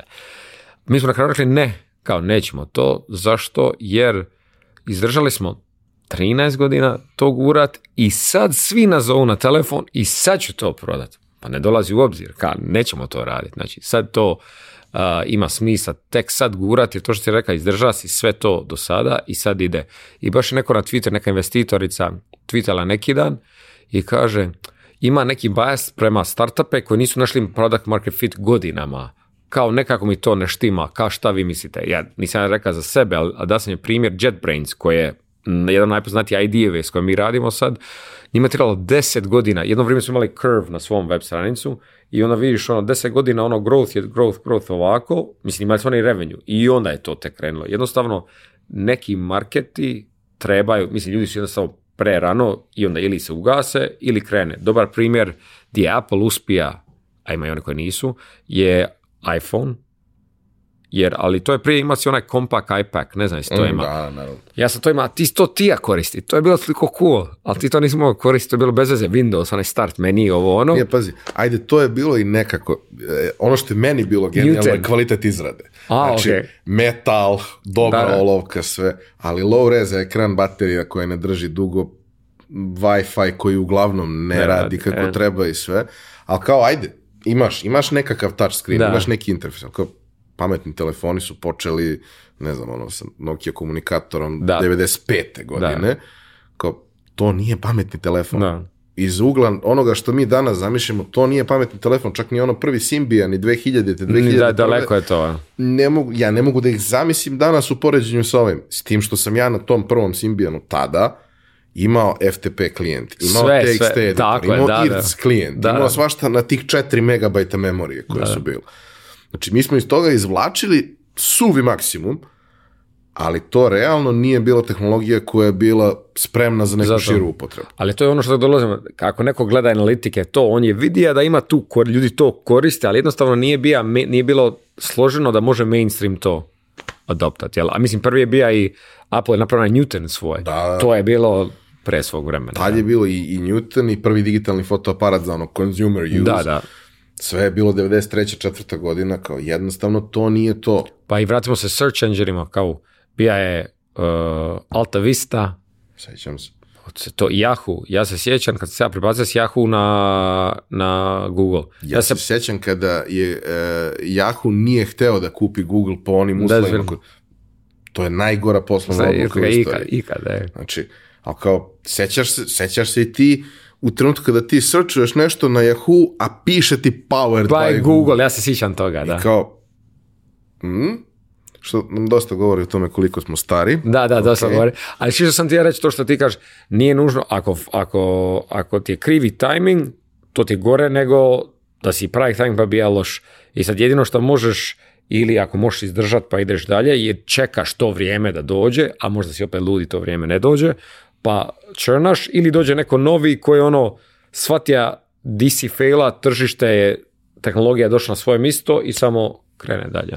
Kao onaj meme sa, sa Mel Gibsonom i Isusom iz, eh, iz filma. Ono, kao dođe neko novi i on je spreman za sve, a ti sediš onako e, istramobiran i kao hajde da probamo nešto, hajde da ne probamo ne ništa. Da. hajde da ga pustimo prosto. Uh, dobro. E sad, eh, svi smo prošle godine čuli, a onda se desila i ta priča i sa netokracijom. Kažemo, Infobip je jedna veoma ozbiljna priča iz regiona koja raste već godinama i ima stvarno neverovatne rezultate na globalnom nivou i ono što je počelo da se dešava to je da e, su počeli da investiraju, akviziraju zanimljive priče u regionu, mhm. tako je, kažem, bila i priča sa, sa našim drugarima iz, iz netokracije ali prva priča o kojoj se malo više pričalo, nije naravno bila prva akvizicija, ali ono nešto što je svima nama blisko i drago, jeste bilo kada je objavljena priča da, da Infobip uh, preuzima shift, shift akvizira shift. kako je došlo do toga? Mislim, logično jeste, ako pričamo o tome da li je to logičan potez, apsolutno jeste za jednu takvu firmu, mhm. ali prosto uh, mislim da ljudi u glavama kao kad razmišljaju o svemu tome imaju ideju da je to sad nešto sofisticirano, divno, da se to, da je to proces od pet godina, a obično nije. Obično se takve stvari dešavaju u trenutku ludila i onda se mhm. taj trenutak ludila pretvori u nešto, u nešto drugo. Dakle, e, aj, ajde te vratim još jedan samo korak nazad. Znači, preživeti COVID. Uh, sećam se koliko si ti u tom periodu E, pokušavao da objasniš ljudima da su hibridni događaji i online događaji dovoljno dobra zamena, dostojna zamena za, za fizičke događaje kada ne možemo da ih imamo. Mm. I vi ste tad radili virtualne hibridne, e, virtualne događaje koji su bili sasvim, da kažemo, jedna ok, priča. Ovaj, znači ja stvarno mnogo cenim ljude koji su radili bilo šta u tom trenutku, jer šta god da se dešavalo, skretalo je misli sa onoga što je oko mm. nas. Ovaj, a kako je kod vas izgledalo to da imaš konačno ono dve dobre godine, jednu stvarno jako dobru, imaš priču koja ima neverovatan potencijal, krećete sa Dublinom koji je jako, jako ono potentno tržište, tamo ako napravite priču, to je to kao. Da. I onda, I onda sve ode dođe. Da, da, sve ode uh, fragu, zato što to je ono Black Swan event, to ne možete znati, ne možete znati da će se to desiti, to se jednostavno desi i u biti to je bilo, kako je to bilo, e, ja još nisam vjerovao za taj COVID, mislim vjerovao, znam da se to događa, ali kao da će to zatvoriti svijet. Ja ne mogu zamisliti da će oni zatvoriti sve. Na kraju je bilo patrole policijske, ja nisam mogao doći na drugu stranu ceste gdje sam živija, zato što kao, ja si izboksan, ali anyway, toga to se sićam taj trenutak, ja govorim idem ja, već smo mi platili venue, hotel u Dublin i to sve, već smo imali govornike, i ovo je bila, mislim, drugi mjesec, tako nešto bilo. Prvi, drugi. Kraj prvog, početak drugog. Još mi svi šetamo. Nema, nisi još desilo u Italiji, ono, ona drama je to. Ja govorim, idem ja, ili je, nemam pojma. Ja letim tamo za Dublin, ja govorim, idem ja tamo. Ja prošetam, malo vidio venju, malo vidio ono. I kaže meni, punica, e daj kupi ili maske ili rukavice ili nešto je bilo, da kupi novo što, što, što treba, jer kod nas više, e, onda se već u Italiji desilo, jer kod nas je bilo drama, jer je Italija blizu. Ja govorim, ok, ja uđem u ljekarnu u Dublinu, jer oni su još bili izolirani, oni su em na otoku tamo, izolirani od svega što se dešava, još je to u Kini, nešto kod nas se dešavalo ono, u susjedstvu, niko nije u panici, ali ja dođem u ljekarnu i kaže, ovaj, ja govorim, e, oprostite, da li ima, mislim, maske, ne znam što sam pita, ili one antiseptik, šta je bilo. na gospodine, to ti nema već jedno tri tjedna kod nas četiri. ja govorim, Ne znam, to je mani bio trenutak, gotovo je. Krenula je panika. Kad krene panika u ljudi, to nema veze hoće li to biti ili neće to biti. Kreće opće ludilo. Na kraju Dublin je bio jedan od odnosno Irska i ja se vraćam na avion jer sam ti ja osjetit kao taj vibe, ja se vraćam i sutra dan u ured sa svojima ja kažem gledajte gotovo je sve. Kao ti zaključavamo, gotovo je, krenite, e, ostavite Irsku konferenciju, to što je bilo, bilo je, imamo ovaj naš u Splitu što je šesti mjesec.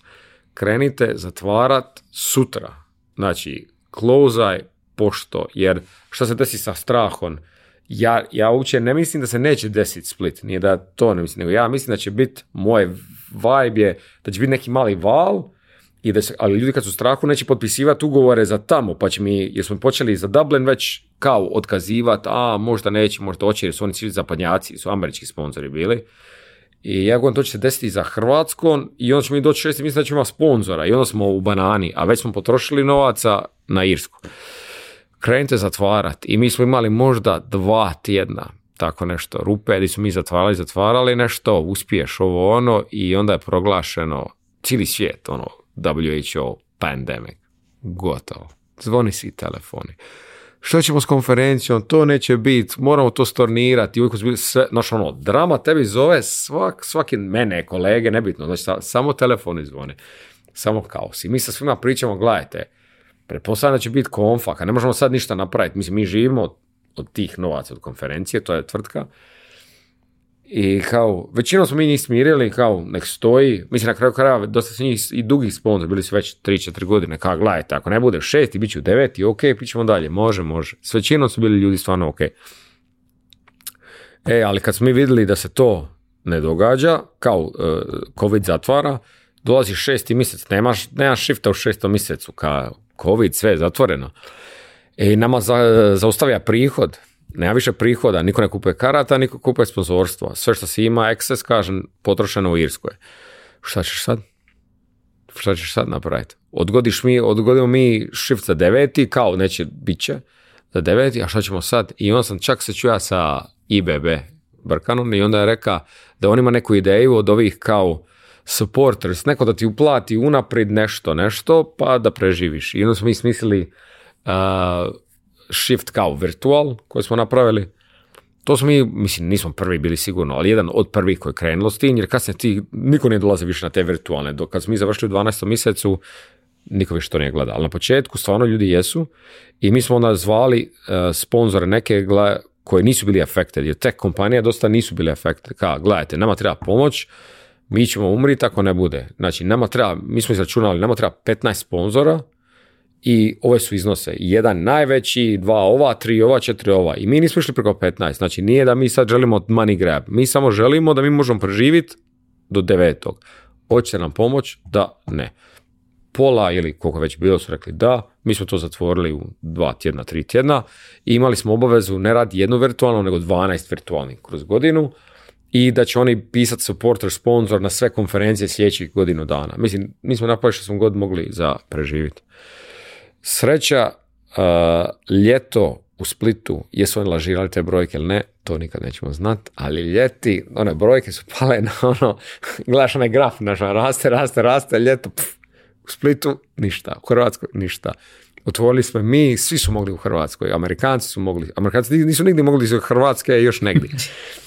puna amera i tako da ovaj, mi govorimo, ajmo mi napraviti konferenciju vanka i na kraju e, smo napravili taj konferenciju, to što sam rekao na početku, ono, molimo neće da ne bude kiša. To je bilo na Sustipanu, to je jedan veliki plac koji gleda na more. Znači, doslovno je bilo ako neko gleda slike e, ispod sjene stabala, stolice, dignut led ekran i more iza. Kao, baš onako zanimljivo. I ljudi, spikeri na kraju koji su došli, su bili kao the most unique stage ever, ever. Mislim, bilo su tu drame jer gori je bura velika i onda ovi su cijelu noć morali držati taj led da, da ne odleti, tako to, Bilo se sigurno, bilo su svakakve drame, ali bila je lagana muzika, stavili smo svjetla, ona, one stare kao, uh, mhm. kao Edisonke, ono između stabala, pije neki DJ, kokteli su se vrtili, to je bio summer festival, ljudi nisu ići doma, top. Znači, ljudima je baš to ispalo, ali da se mi razumijemo, mene je grč u želucu već četiri mjeseca da ćemo propast i ljudi ono, e, burazine, od sada radite samo ovo, ja ono, mrzim vas sve. Mislim, ne znam, volim ih, ali kao, znaš, ono, samo vi budite sretni, ajte ća i da mi to i tako zatvorili tu godinu, na kraju je bila to još i najprofitabilniji shift na kraju, od svih, zato što si mora biti, mora si rezati troškove, biti inventivan, na kraju se prodali karata jer kako su ljudi, bar u taj dio regije gdje je bilo more, ljudi su bili ono kao dosta se opustili jer nema više, jer da za turizam se možeš opustiti, onda su na kraju kupovali karte, to je sve bilo dobro. U 12. mjesec smo radili u Zagreb, to je bilo baš hibridno, 25 ljudi smo smjeli imat, jedva smo to skućali, ali bilo je ok, ali na kraju suma sumarom stvarno godina uz teške muke, neprospavane noći, povra... mislim, to zvuči kao floskula neprospavane noći, znači, to stvarno, mm. ja još nemam djece, ali vjerujem da je to tako, znači, ne spavaš i luci sutra dan i takvo dugo vrijeme, ali kuc na drvo, sve je super prošlo. I to su bili, to je, taj u Zagrebu je se ponovo zatvorilo u 12. mjesecu i bio zadnji shift neovisni. Nakon toga je bio Infobipov shift. Kako je došlo do toga? E, e sad, Infobip je čudo. Infobip je rocket ship, kao to je kompanija koja ono raste iz godine. Oni su baš pogodili nešto što mi recimo nismo s kod niti sam sa Shiftom. Znači oni su pogodili nešto prije 15-16 godina koliko već i to svake godine ono raste. Oni su globalna kompanija, znači sad je skoro 4000 ljudi, 75 ureda na svijetu, ono baš ono ono ozbiljna kompanija. I ono što je najzanimljivije, oni su iz malog gradića, sela, nije selo, ali mali gradić, ono, 3000 ljudi iz Istre i tamo je headquarters i odatle ubijaju cijeli svijet, ono, čudo nešto. I upozna sam jedan od vlasnika na jednu konferenciju, ja sam njemu pričao od Code u Shiftu, kao dva milijuna korisnika, ali milijun kako već bilo tad, ovo ono i onda on meni ono posli, ja sam bio ono šokiran jer to je čovjek ono, ono billion dollar company, jel? I on meni, dođi s vam dođi, ja čak je upoznan na stage. I on govori, slušaj, te developere, nama treba developere, už ti idu kao, nešto je bilo, ja parafrizirano už doći kao s nama nešto radit, a ja mislim, mogu vam ja pomoći nešto konsultirati, ali ja imam svoje kao. I mislim, zašto je to bitno za Infobip? Čisto dan kontekst. Uh, Infobipov kompetitiv e, kompanije, kao što Infobipu, ove velike, radu od 40 do 50% prihoda i dolazi, odnosno stvara se originalno, oni se šire kasnije, od self-service, odnosno od developera. I sad, ako mi zadnji javni podatak koji je izaša, koji smijem reći, ja mislim, je bija da Infobip radi 1,5 milijardi dolara prihoda. I sad uzmi 40-50% još toga, to je još par stotina miliona koji može doći od tog segmenta. Ali Infobip je isključivo od tog trenutka bija top-down sales kompanija, ne bottom-up product-led growth kompanija. Tako da, ali kako je taj bottom-up specifičan developer, on ti treba neko ko može razumjeti to. I s obzirom da sam ja radija i organizaciju Shift za developer i Codeniver za developere, onda, i ono, ok smo si klikli, jel? Um, onda je to bila neka njihova ideja da nekako tu dođe. Nije to bilo kristalizirano, oni će mene akvizirati, nešto, čisto kao oni su ili nešto radi. To je bilo ona situacija kada moramo nešto da radimo.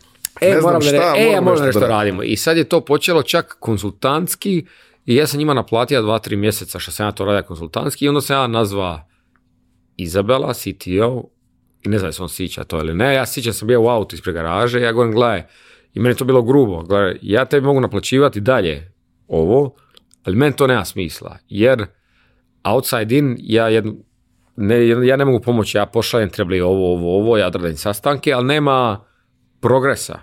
I meni je to jednostavno... Ne, implementacija je izostala na kraju. Meni je to jednostavno glupo, ja to ne želim, mislim, ne želim i da mi sutra možemo nešto drugo raditi koje je ok.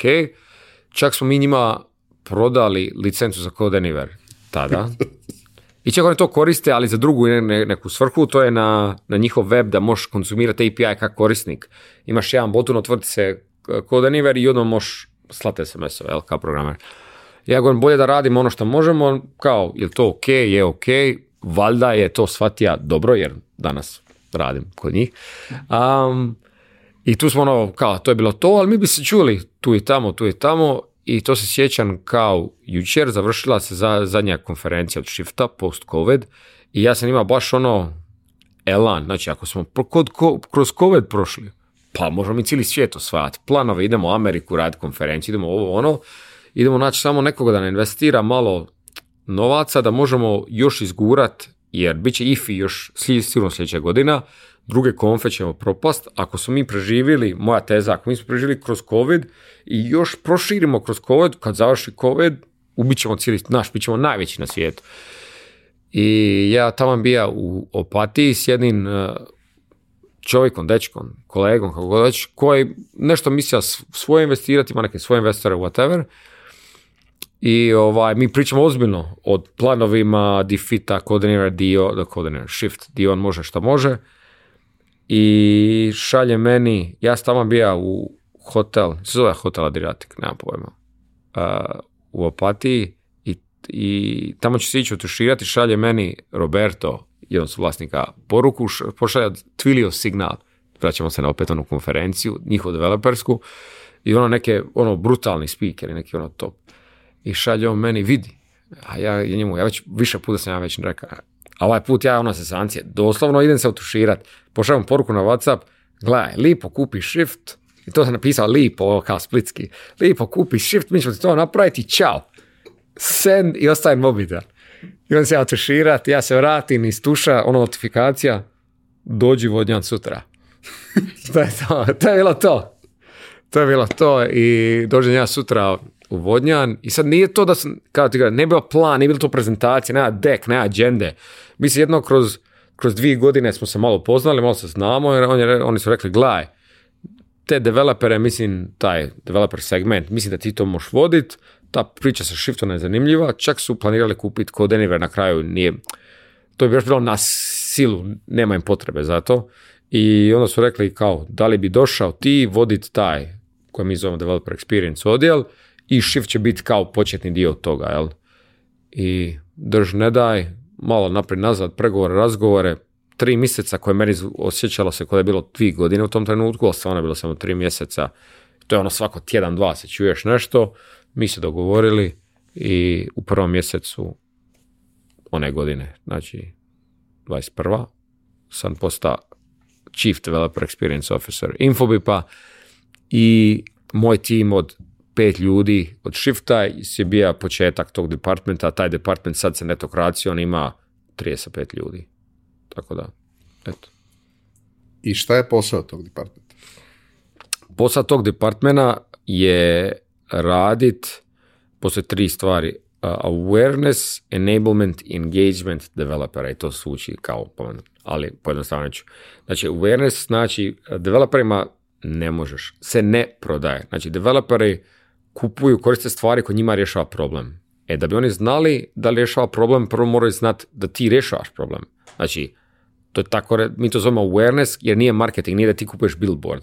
Nego ljudi, jednostavno, developeri imaju svoje krugove i oni moraju znati da mi postojamo. I to se radi kroz razne načine. To se radi kroz uh, da se priča na konferencijama, to se radi da organiziraš svoju konferenciju, to se radi da, da postaješ član digital communities, ono na Discord, na Slacku, na Twitteru, whatever, i ne to da ti promoviraš, e, mi imamo najbolji proizvod, nego ono, ti si dio, pomagneš nekome, neko tebi i oni shvate za koju si firmu ili pričaš o nekom rješenju, ili kao ako možeš ti pričati o tehnologiji, kao naša tehnologija, odnosno tehnologija ta rješava te probleme, ne nužno Infobip, nego ta tehnologija rješava, pa onda developer kad ima taj problem, aha, čuja sam o tome, to znam, jel?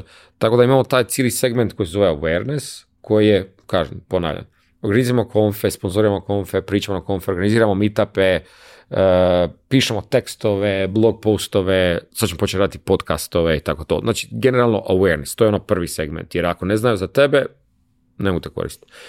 Uh, druga stvar je enablement, to je da mi njih enablamo da oni to mogu raditi. E sad, Developer je naj, kao slično, slično kao individualni korisnik. Zamisli kupca H&M-a ili Zara ili nešto.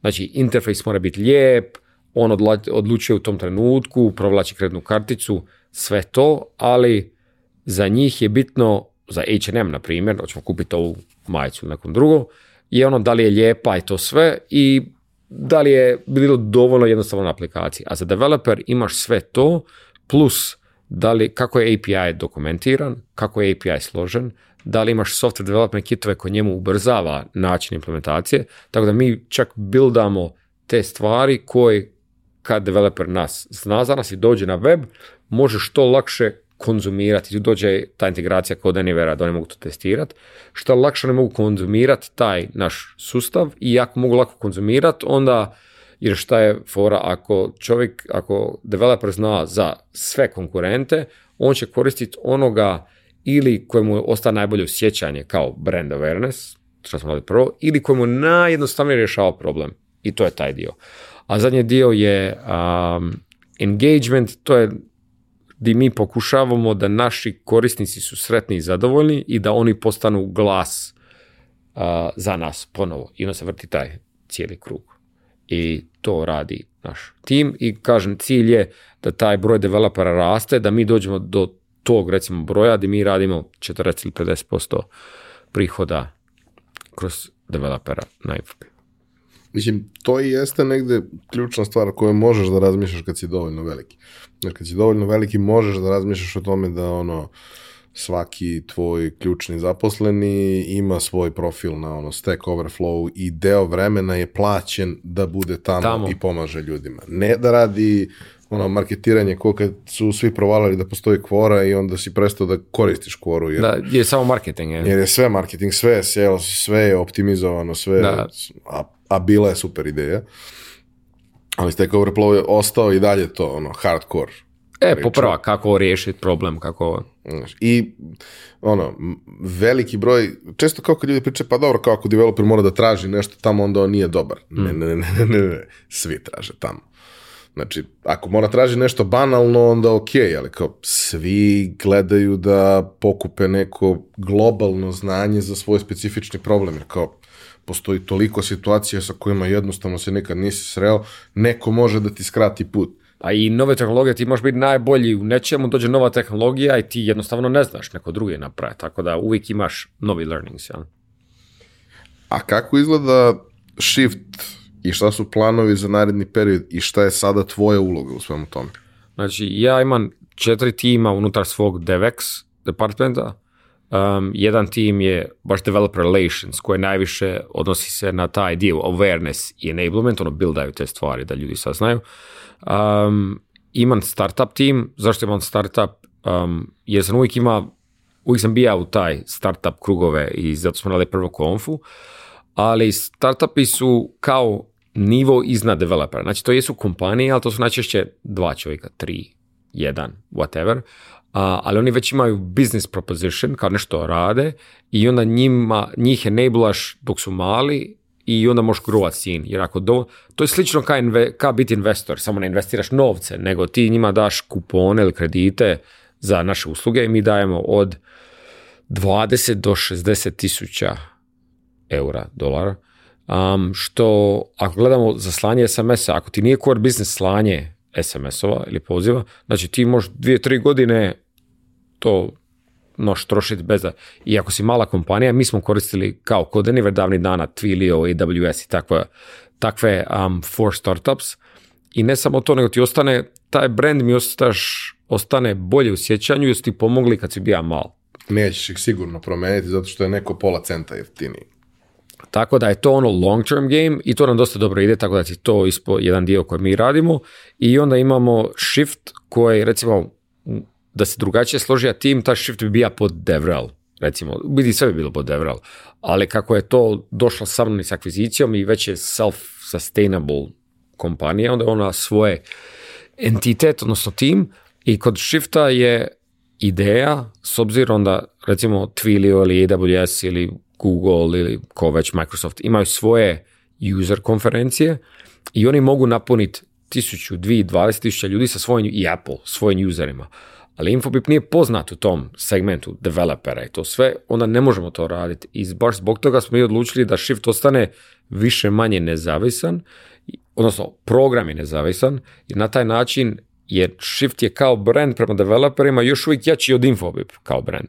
Onda ti je bitno, onda ti je, ne želiš sebi upucati u nogu, nego ti ljudi koji svake godine sve više dolaze i kupuju kartu i želi doći, ti njima ostaviš to, naravno ostaviš zastavu Infobip okolo na okolo, čisto awareness oko Infobip, na otvorenje će jedan od foundera govorit, na malo intro koje je Infobip, zašto je tu sve, i onda će, naš plan je tako, će ti ljudi koji dolaze na konferenciju još uvijek uživati na konfu, ali će biti kao Infobip je nama ovo moguće, pa nekako dolaziš u dobro sjećanje. Jel? I to nam je slično nešto što se događa sa netokracijom i kako smo došli do toga. Netokracija kao takva će ostati kakva jest, no ono što će oni nama još pomoć uz kreiranje kontenta koje, um, koje je za Infobip. Znači, i mi na developer portal naš od Infobipa želimo šta više kontent za taj awareness. Znači ono, how to blog postove, ali specifično Infobipove usluge um, kako rješavati, a kako oni imaju iskustvo s tim um, content creation na takav način, onda su nam oni super um, utility kao, da, da, utility nije prava riječ, ali super tim koji to ima iskustva da to može napraviti. Ja? No, mislim, ono, generalno za, tu vrstu stvari, mislim da kao s jedne strane naravno tehnička uputstva i sve ostalo, s druge strane case study, ono, kako neko prosto koristi to, su mnogo dobre stvari. Sjećam se, prošle godine na Sparku je Infobip bio sponsor i na, na Startup Competitionu i 25.000 eura, mislim. Da, tako nešto. Je. Ono u kreditima za, za, za SMS i kao, ok, kao, to ne deluje kao big deal, ali, ali jeste. Zato što ti omogućava stvarno da radiš u nekom periodu kada ti je svaki trošak problematičan. problematičan tako. A mi smo došli u situaciju da, ono, zbog security i svega, svako logovanje bilo gde podrazumeva two-step authentication koji je obično SMS. se vidio sad šta je bilo sa, twi sa Twitterom kad je... Vidio Mislim, generalno to što se dešava sa Twitterom, ne, nećemo to komentarisati. Ovaj, promičemo temu, Imamo mi te ovaj, izraze iz naših filmova šta se dešava kad ovaj, ludak uđe u, u, tank, ali dobro, nije bitno. E, dobro.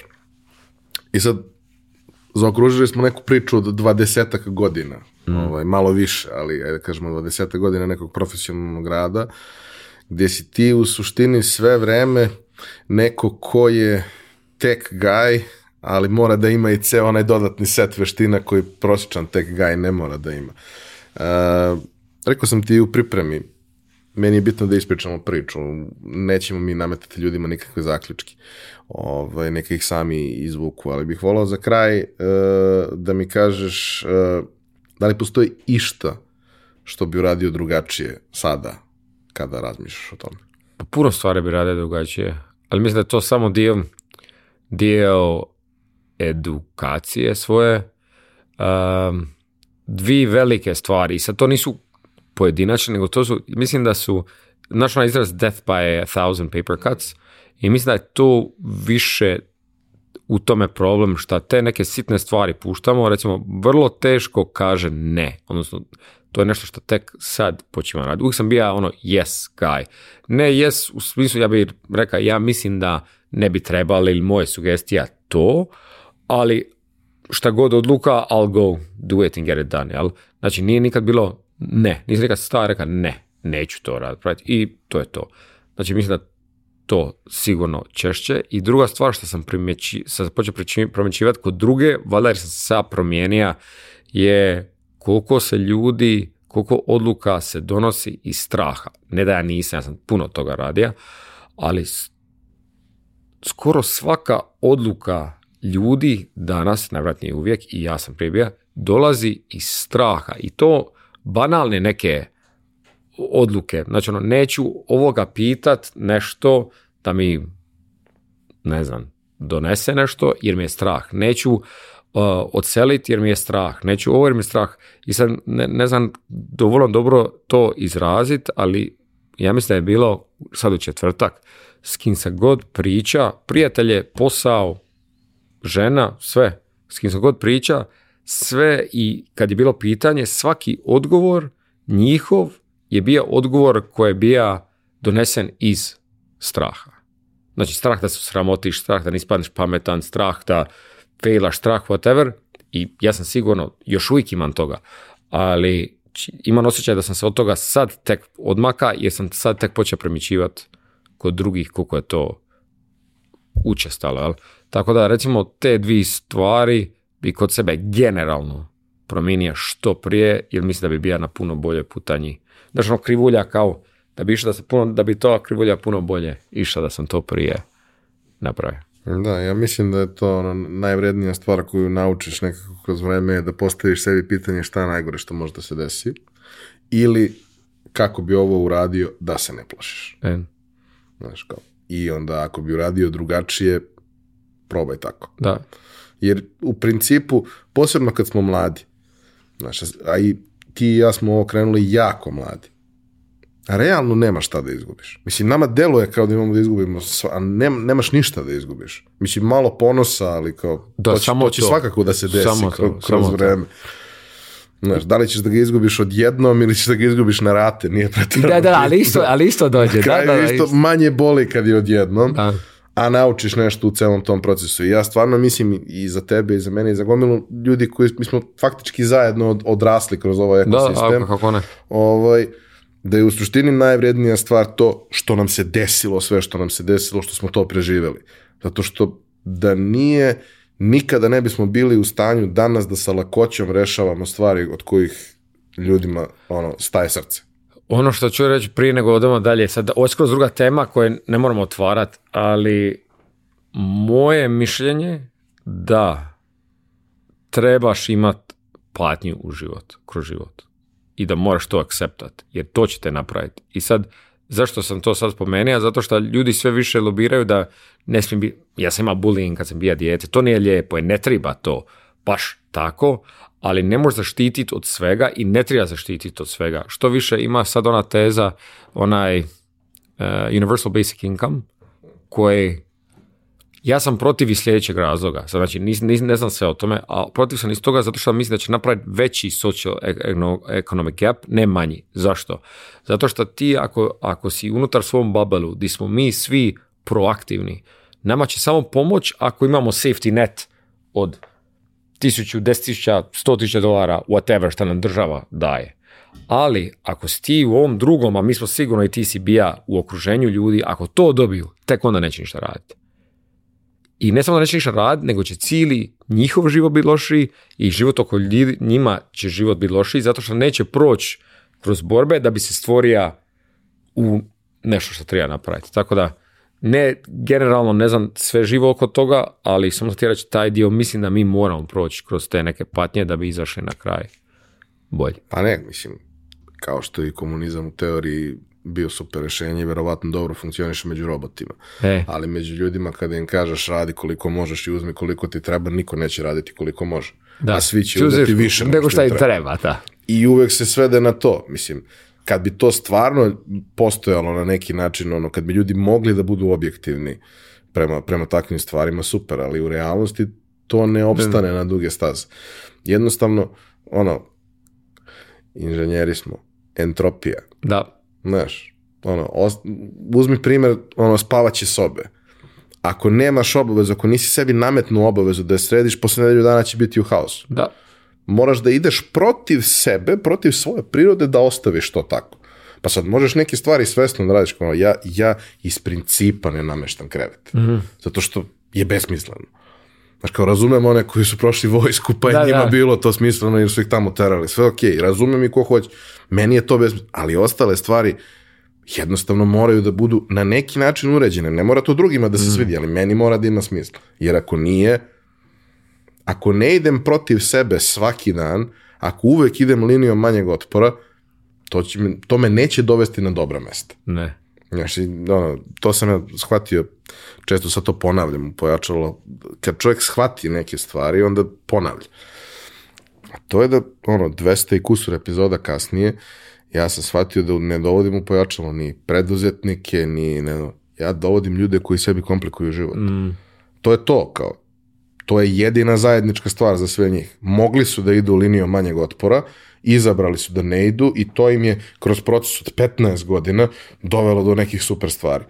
Ali ništa od toga se ne bi desilo za veliku većinu njih da nisu probali da idu ono, kontra nekoj struji koja ih vuče da sve to bude easy going i nema veze, bit će sve okej. Ali na kraju kad uzmeš jedan dan, koje, mislim, možeš uzeti jedan dan i odmorit se generalno, ali ti pet dana da ne radiš protiv sebe, to što ti kažeš, ajmo se dignit, ja sad e, treniram dva puta u danu, pazim šta jedem. Mislim, ja sam, da ne ja nisam bio takav, ja sam ono, pušija cigarete, Dođu ja do, do da, kad e. moraš. I sad ja to radim, svaki diže se ujutro kad, kad si reka da će se dignit, ne kad se osjećaš da će se dignit, jer ti si sam sebe moraš, i taj dan kad si upravlja sam sebom, osjećaš se bolje nego onaj dan koji nisi upravlja sam sebom. I svak ko to, na, ko to napravi će se složiti da ako si ti reka sebi, sutra ću ja napraviti to i napraviš, jesi, eh, jesi zadovoljen sa sobom ili nisi zadovoljen sa sobom. To, to svak može Samo uzmi jedan dan. I ne samo to, nego to sam od negdje pročitaje, je, confidence dolazi od toga da kad ti sam sebi ispuniš svoje obećanje i to radiš kontinuirano i da ti imaš vjeru u sebe, ja sve manje imam stresa ujutro za sebe, hoću li ja nešto stići, jer ja znam da sad ono što sam ostavio za danas, ja mogu stići, jer sam ostavio samo dovoljno da mogu, a vjerujem u sebi da ću ja to napraviti. Kad to napraviš non stop, onda si sretni sam sa sebom i možeš raditi šta god hoćeš. I život je jednostavno bolji, ja mislim. Hvala ti puno na priči koju si podelio. Mislim da, da je vredna i da će možda još neko ko ovo bude slušao, ako se trenutno osjeća kao budala, ovaj, da shvati da je to jedan potpuno normalan... Dio puta. Tako je, jedna, jedna tačka na putu. Um, hvala puno sreće sa shiftom nadalje, u kojoj god ulozi da tu budeš, pa makar i kao posetilac koji uživa. Ovaj, I naravno, uh, puno sreće sa, sa Infobipom i svem što radite sada na tome da ta firma koja je zaista neverovatna postane još veća i još bolja, jer to je opet, mnogi bi rekli pa dobro, ovo je dovoljno, ajde, ne moramo više. Mm. A moraš da stremiš tome da budeš još bolji, zato što u suprotnom ćeš samo krenuti da padaš. Apsolutno. Hvala ti puno, hvala vama što ste nas slušali i gledali. To bi bilo to za ovu nedelju. Ako imate neke komentare ili pitanja, ostavite ih ovaj, na za to predviđeno mesto na YouTube. Vidimo se ponovo naredne nedelje.